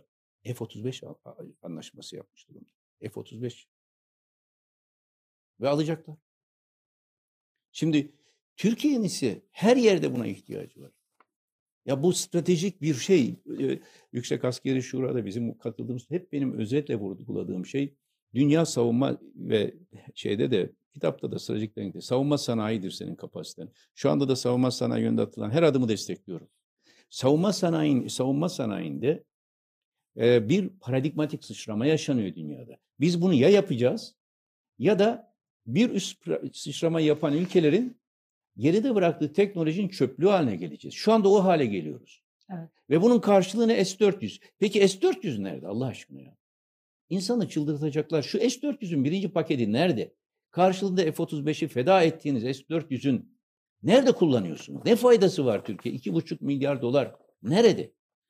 Şimdi bunun dış politikayla, mantığıyla izah edilir taraf var mı? Biden'ın karşısında oturduklarında bunları konuşacaklar. Sonra başka dosya açacak. Ee, Suriye politikası. Muhtemelen orada Tayyip e, e, yani e, Sayın Erdoğan şey talep yani biraz daha oradaki e, hareket marj alanını çünkü nihayet varılan Trump'la varılan mutabakatın kilometreleri belli, şeyi belli. Orada daha fazla e, şey talep et, etme im- ihtimali olabilir. Suriye'de bu tezkereyle birlikte yeni bir e, şey düşünülüyorsa e, sınır ötesi harekat. E, orada da Amerika'nın pozisyonu belli. Şimdi Biden Erdoğan görüşmesinden ne çıkabilir? Kurumsal olarak ilişkiye bakıyorum ben. Bakın e, şeyin e, Anthony Blinken Amerikan Dışişleri Bakanı. Geçmiş dönemde biz görevdeyken hani e, Amerikan heyetleri içinde de iyi bir teknisyendir. Ama tek başına inisiyatif geliştirip bir yeni politik ortaya koyamaz. Yani Clinton'ın sahip olduğu güce, Obama ile ilişkisinde sahip olduğu güce sahip değil Hillary Clinton'ın. Hatta John Kerry'nin sahip olduğu güce sahip değil. Çünkü e, Clinton Obama'nın rakibiydi. Rakibini Dışişleri Bakanı yaptı. John Kerry de e, onlarca yıl senatoda görev yapmış bir senatör. Anthony Blinken bir tekno, teknisyen yani diplomat Dışişleri Bakanı oldu. Dolayısıyla Anthony Blinken'ın Çavuşoğlu görüşmesinden hiçbir şey çıkmaz. Öbür tarafta savunma bakanları arasındaki görüşmede de Amerikan Savunma Bakanı Pentagon etkilidir.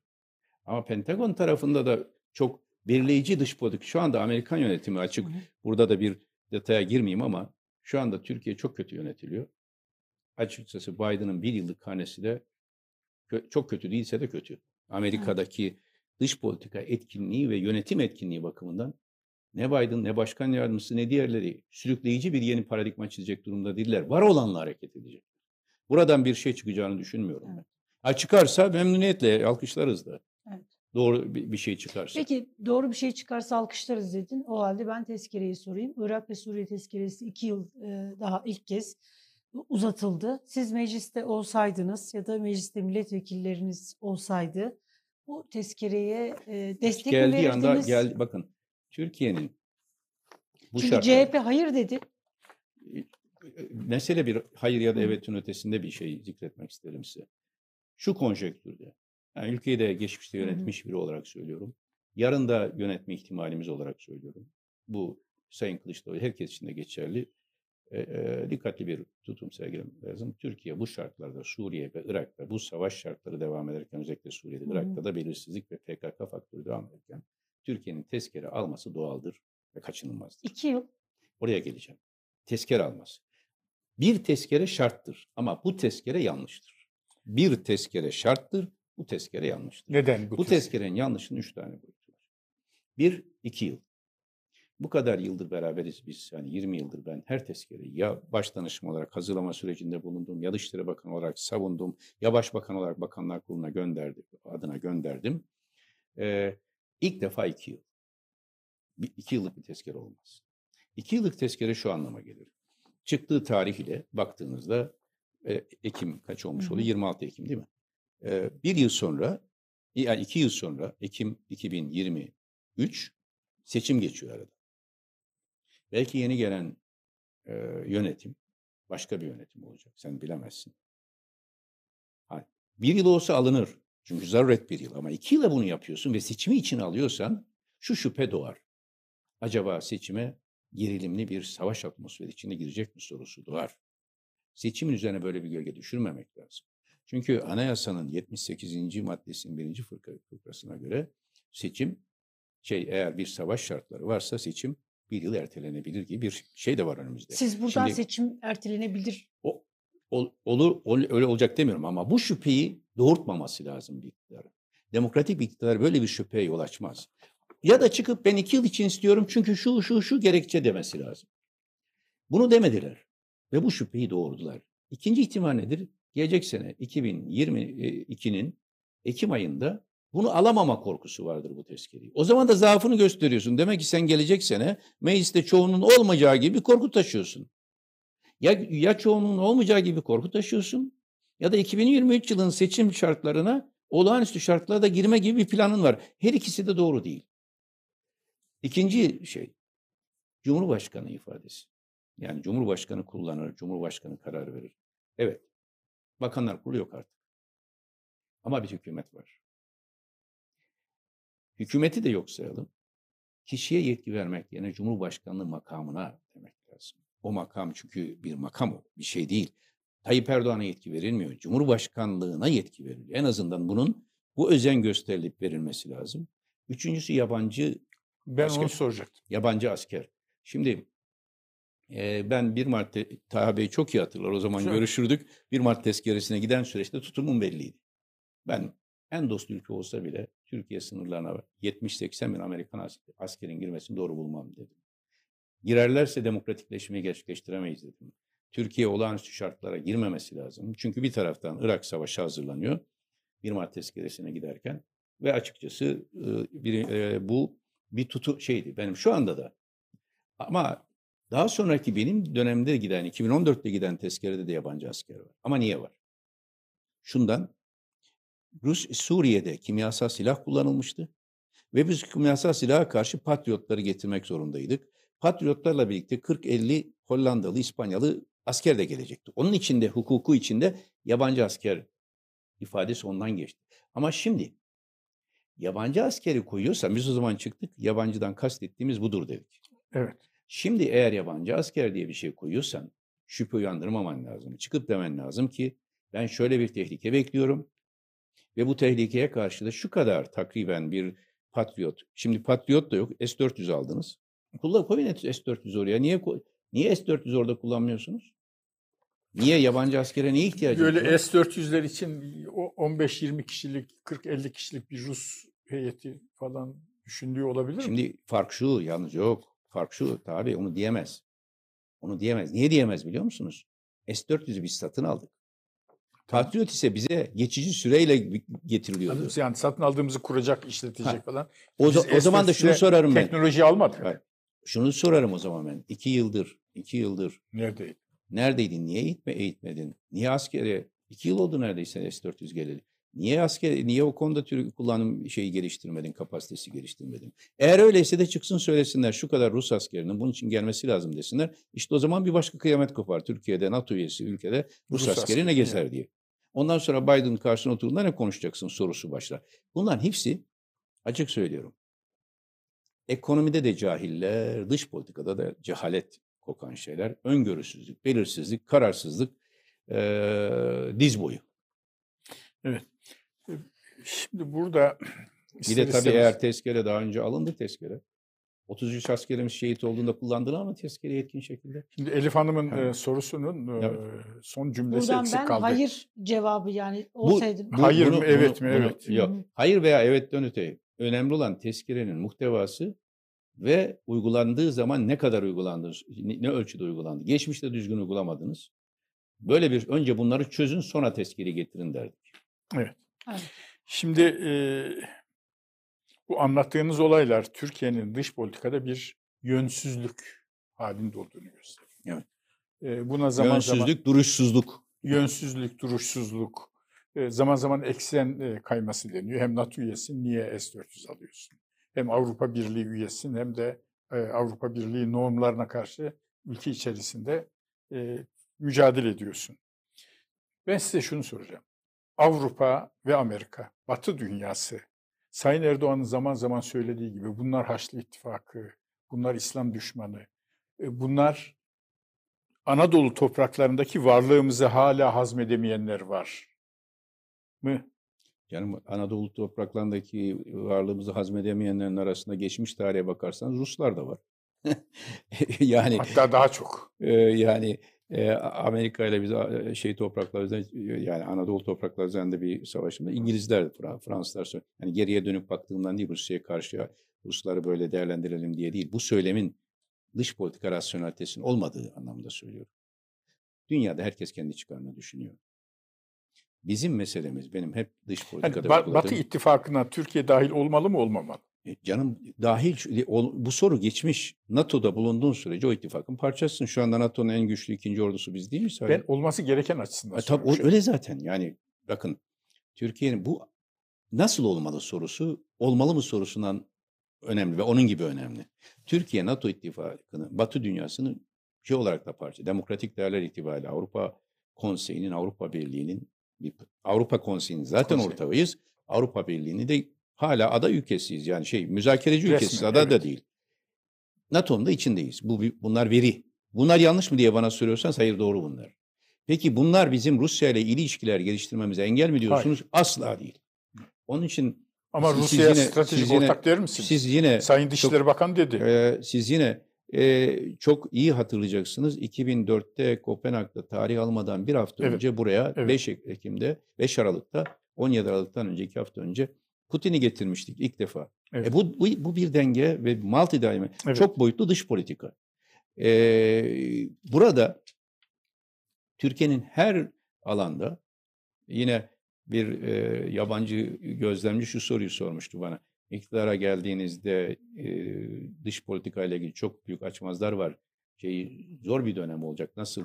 Evet zor bir dönem olacak ama kolay e, e, olabilecek husus şudur. Dünyada hiçbir ülke, hiçbir blok, hiçbir taraf ne kadar güçlü olursa olsun Türkiye ihmal edemez. Ve biz hepsiyle rasyonel ilişkiyi tekrar kurarız. Ve bunu da yapabiliriz. Burada e, beni korkutan esas veya oraya doğru gitmesi dolayısıyla üzüntü duyduğum husus şu. Batı dünyasının yavaş yavaş Erdoğan'a şöyle bakmaya başlaması. İsim vermeyeyim diğer ülkeler ama Mısır gibi diyeyim belki vermek zorunda kalayım. Otokrat da olsa, otoriter de olsa Erdoğan veya sonrasındaki başka biri. Eğer bizim stratejik çıkarlarımıza uygunsa bırakalım kendi içinde hamaset yapsın. Bizim için şey ise bu, bu işte tehlikeli olan bu. Er- Erdoğan veya başka biri. Sonrasıyla ilgili de böyle bir otoriter yönetimle yürüyeceğini düşünse Batılar. Düşünün eee, bütün dünyada demokrasi eee şeyi yapıldığı bir dönemde, demokrasi eee, çağrısı yapıldığı bir dönemde Konferans çağrısı. eee, Sisi e, yönetiminin, Sisi'nin darbesine Batı selam durabildi. Önemli olan çıkarlarımıza halel geliyor mu gelmiyor mu? Oraya getirmemek lazım işi. Türkiye demokratik eee, yapısını koruyarak eee Batı'yla, Doğu'yla, Çin'le, Rusya'yla, Amerika herkesle işbirliği yap, e, herkesle görüşmeli. Ama eee, şimdilik onun orada varlığına eee, tahammül gösterelim. Nihayetinde Türkiye, Türklerin demokratik standardından daha önemli olan Batı'nın, Amerika'nın, Avrupa'nın çıkarlarıdır, Rusya'nın çıkarlarıdır diye birileri bakıyorsa bir baş, bazı başkentlerde Türkiye için tehlikeli olan budur. Peki. Son son, Son dakika. gelelim. Var mı Vaktimiz sorunuz? kalmadı. E, Şu gri listeyi Ben de soralım onu diyorum. Ha, tamam O sor zaman, o zaman. Ee, bir gri Son liste- sorumuz olsun son da sorumuz, vaktimiz evet. kalmadı. Evet. Ee, gri listeye Türkiye'nin e, alınmasını nasıl değerlendiriyorsunuz? Çünkü yolsuzluklar sizin başbakanlığınız döneminde. de Mali eylem görev Evet, gücü tarafından. Biliyorum. Evet. Bu gri listeye alınması Rezalet. sürpriz oldu mu? Tam anlamıyla rezalet. Ee, yani Dışişleri Bakanlığı, Türkiye Başbakanlığı, operasyon mu? Çekilemedi mi? O operasyon falan. Türkiye'nin maalesef düştüğü ligi gösteren bir felaket tablosu. Türkiye bu kararla Dünya Demokratik Hukuk Devletleri listesinde küme düştü. Bu Maalesef. bu Türkiye'nin içinde olduğu bir an şey. Yani benim anlamadığım şey şu veya kabul edemediğim. Ya siz o işin parçasısınız. Hem NATO'nun içindesin sonra da NATO bizi bölmeye çalışıyor. Ya sen oradasın engelle bölüyecekse birisi. Avrupa Konseyi'nin içindesin. Avrupa Konseyi bizim egemenliğimiz yok. Ya sen oradasın. Ve bir dönem olmuş ki senin şu anki Dışişleri Bakanı o parlamenter meclisin başkanı olmuş. Senin şimdi reddettiğin eski başbakanın da onun Bakanlar Komitesi başkanı olmuş. Ya sen oradasın engelle. Sen çıkarak bunu. Mali eylem gücünün dışında değiliz ki biz. Gereğini yapacaksın. Ve o kurallar bize yarar. Bu sadece şeye değil. PKK'nın terör örgütlerinin mali yapılanmalarının yani bir, bir sektördür terör. Hı hı. O sektörün kontrolü için kullan aynı mekanizmayı. Ve de ki şuradan şuradan şuradan buraya para gidiyor yoklayın de sen karşı hamle yap. Hayır. Neden? Çünkü bir organize suç örgütü lideri çıkıp gemi adı verip destinasyon adı verip, ülke adı verip, kişi adı verip kokain ticareti yapıldığını söylerse ve buna cevap verilmezse, bir baş aynı şekilde e, bir Sezgin Baran Korkmaz olayında kara para şöyle aklandı, şuradan geldi, şu arkasında Amerika'daki şu tarikat var, şuradan geldi, bütün yapı çerçeve belli, sen tek adım atmayacaksın. Dünyada sana o ne kadar güzel diyecek. tertemiz bir ülke diyeceksin. Nereden bu şey? Başta söylediğime tekrar geliyorum. Yani iddialı olduğumuz o yıllarda bizim hep hedefimiz şuydu. Avrupa ölçeklerinde demokrasi, Çin ölçeğinde üretim kapasitesi ve bütün dünyaya açık özgürlükçü bir yapı. Şimdi geldiğimiz yer Latin Amerika ülkesi olarak bile bakmıyorlar biz artık. Orada bile bir kontrol. Evet. Daha da o gri listenin içinde yer alanlara bakın. Kümenin en şeyindeyiz. Enflasyon kümesiyle, enflasyonda da dünyada eee 12. sıradaydık. Şimdi nüfusu 50'nin üstünde olan ülkeler arasında enflasyonda üçüncüyüz. Dünyada. Faizde en önde gelen ülkelerdeyiz. Düşünün bütün bu standartlarda Türkiye küme düştü. E şimdi sen istediğin kadar Türkiye'de e, nutuk at, hamaset çek. Bu ortalığı değiştirmiyor. Dolayısıyla bu bir rezalet. Bu Türkiye için yolsuzluklar kanesi bakımından felaket. Uluslararası itibar bakımından felaket. Yatırım gelmez. Gelmez tabii. Evet. Ya da gelirse nasıl gelir biliyor musunuz? İşte böyle. Para aklama şeklinde yatırım gelir. Türkiye'yi Belize, bilmem Pasifik'teki, Karayipler'deki adalar ölçeğine düşürdüler. Ee, insan kahrediyor yani bu, bu Sayın hale Davutoğlu, gelmesi. Ben son soru dedim ama yani şunu sormadan edemeyeceğim. Çok Sorun. ama siz de ne olur kısa cevap verirseniz çok sevinirim. Şundan dolayı. Ama bir soru Biz- olsun. Arka arkaya üç soru soruyorsun bazen. Yok öyle yapmayacağım bu sefer. Peki. Ve e, şimdi yüzde yediye seçim barajı indiriliyor.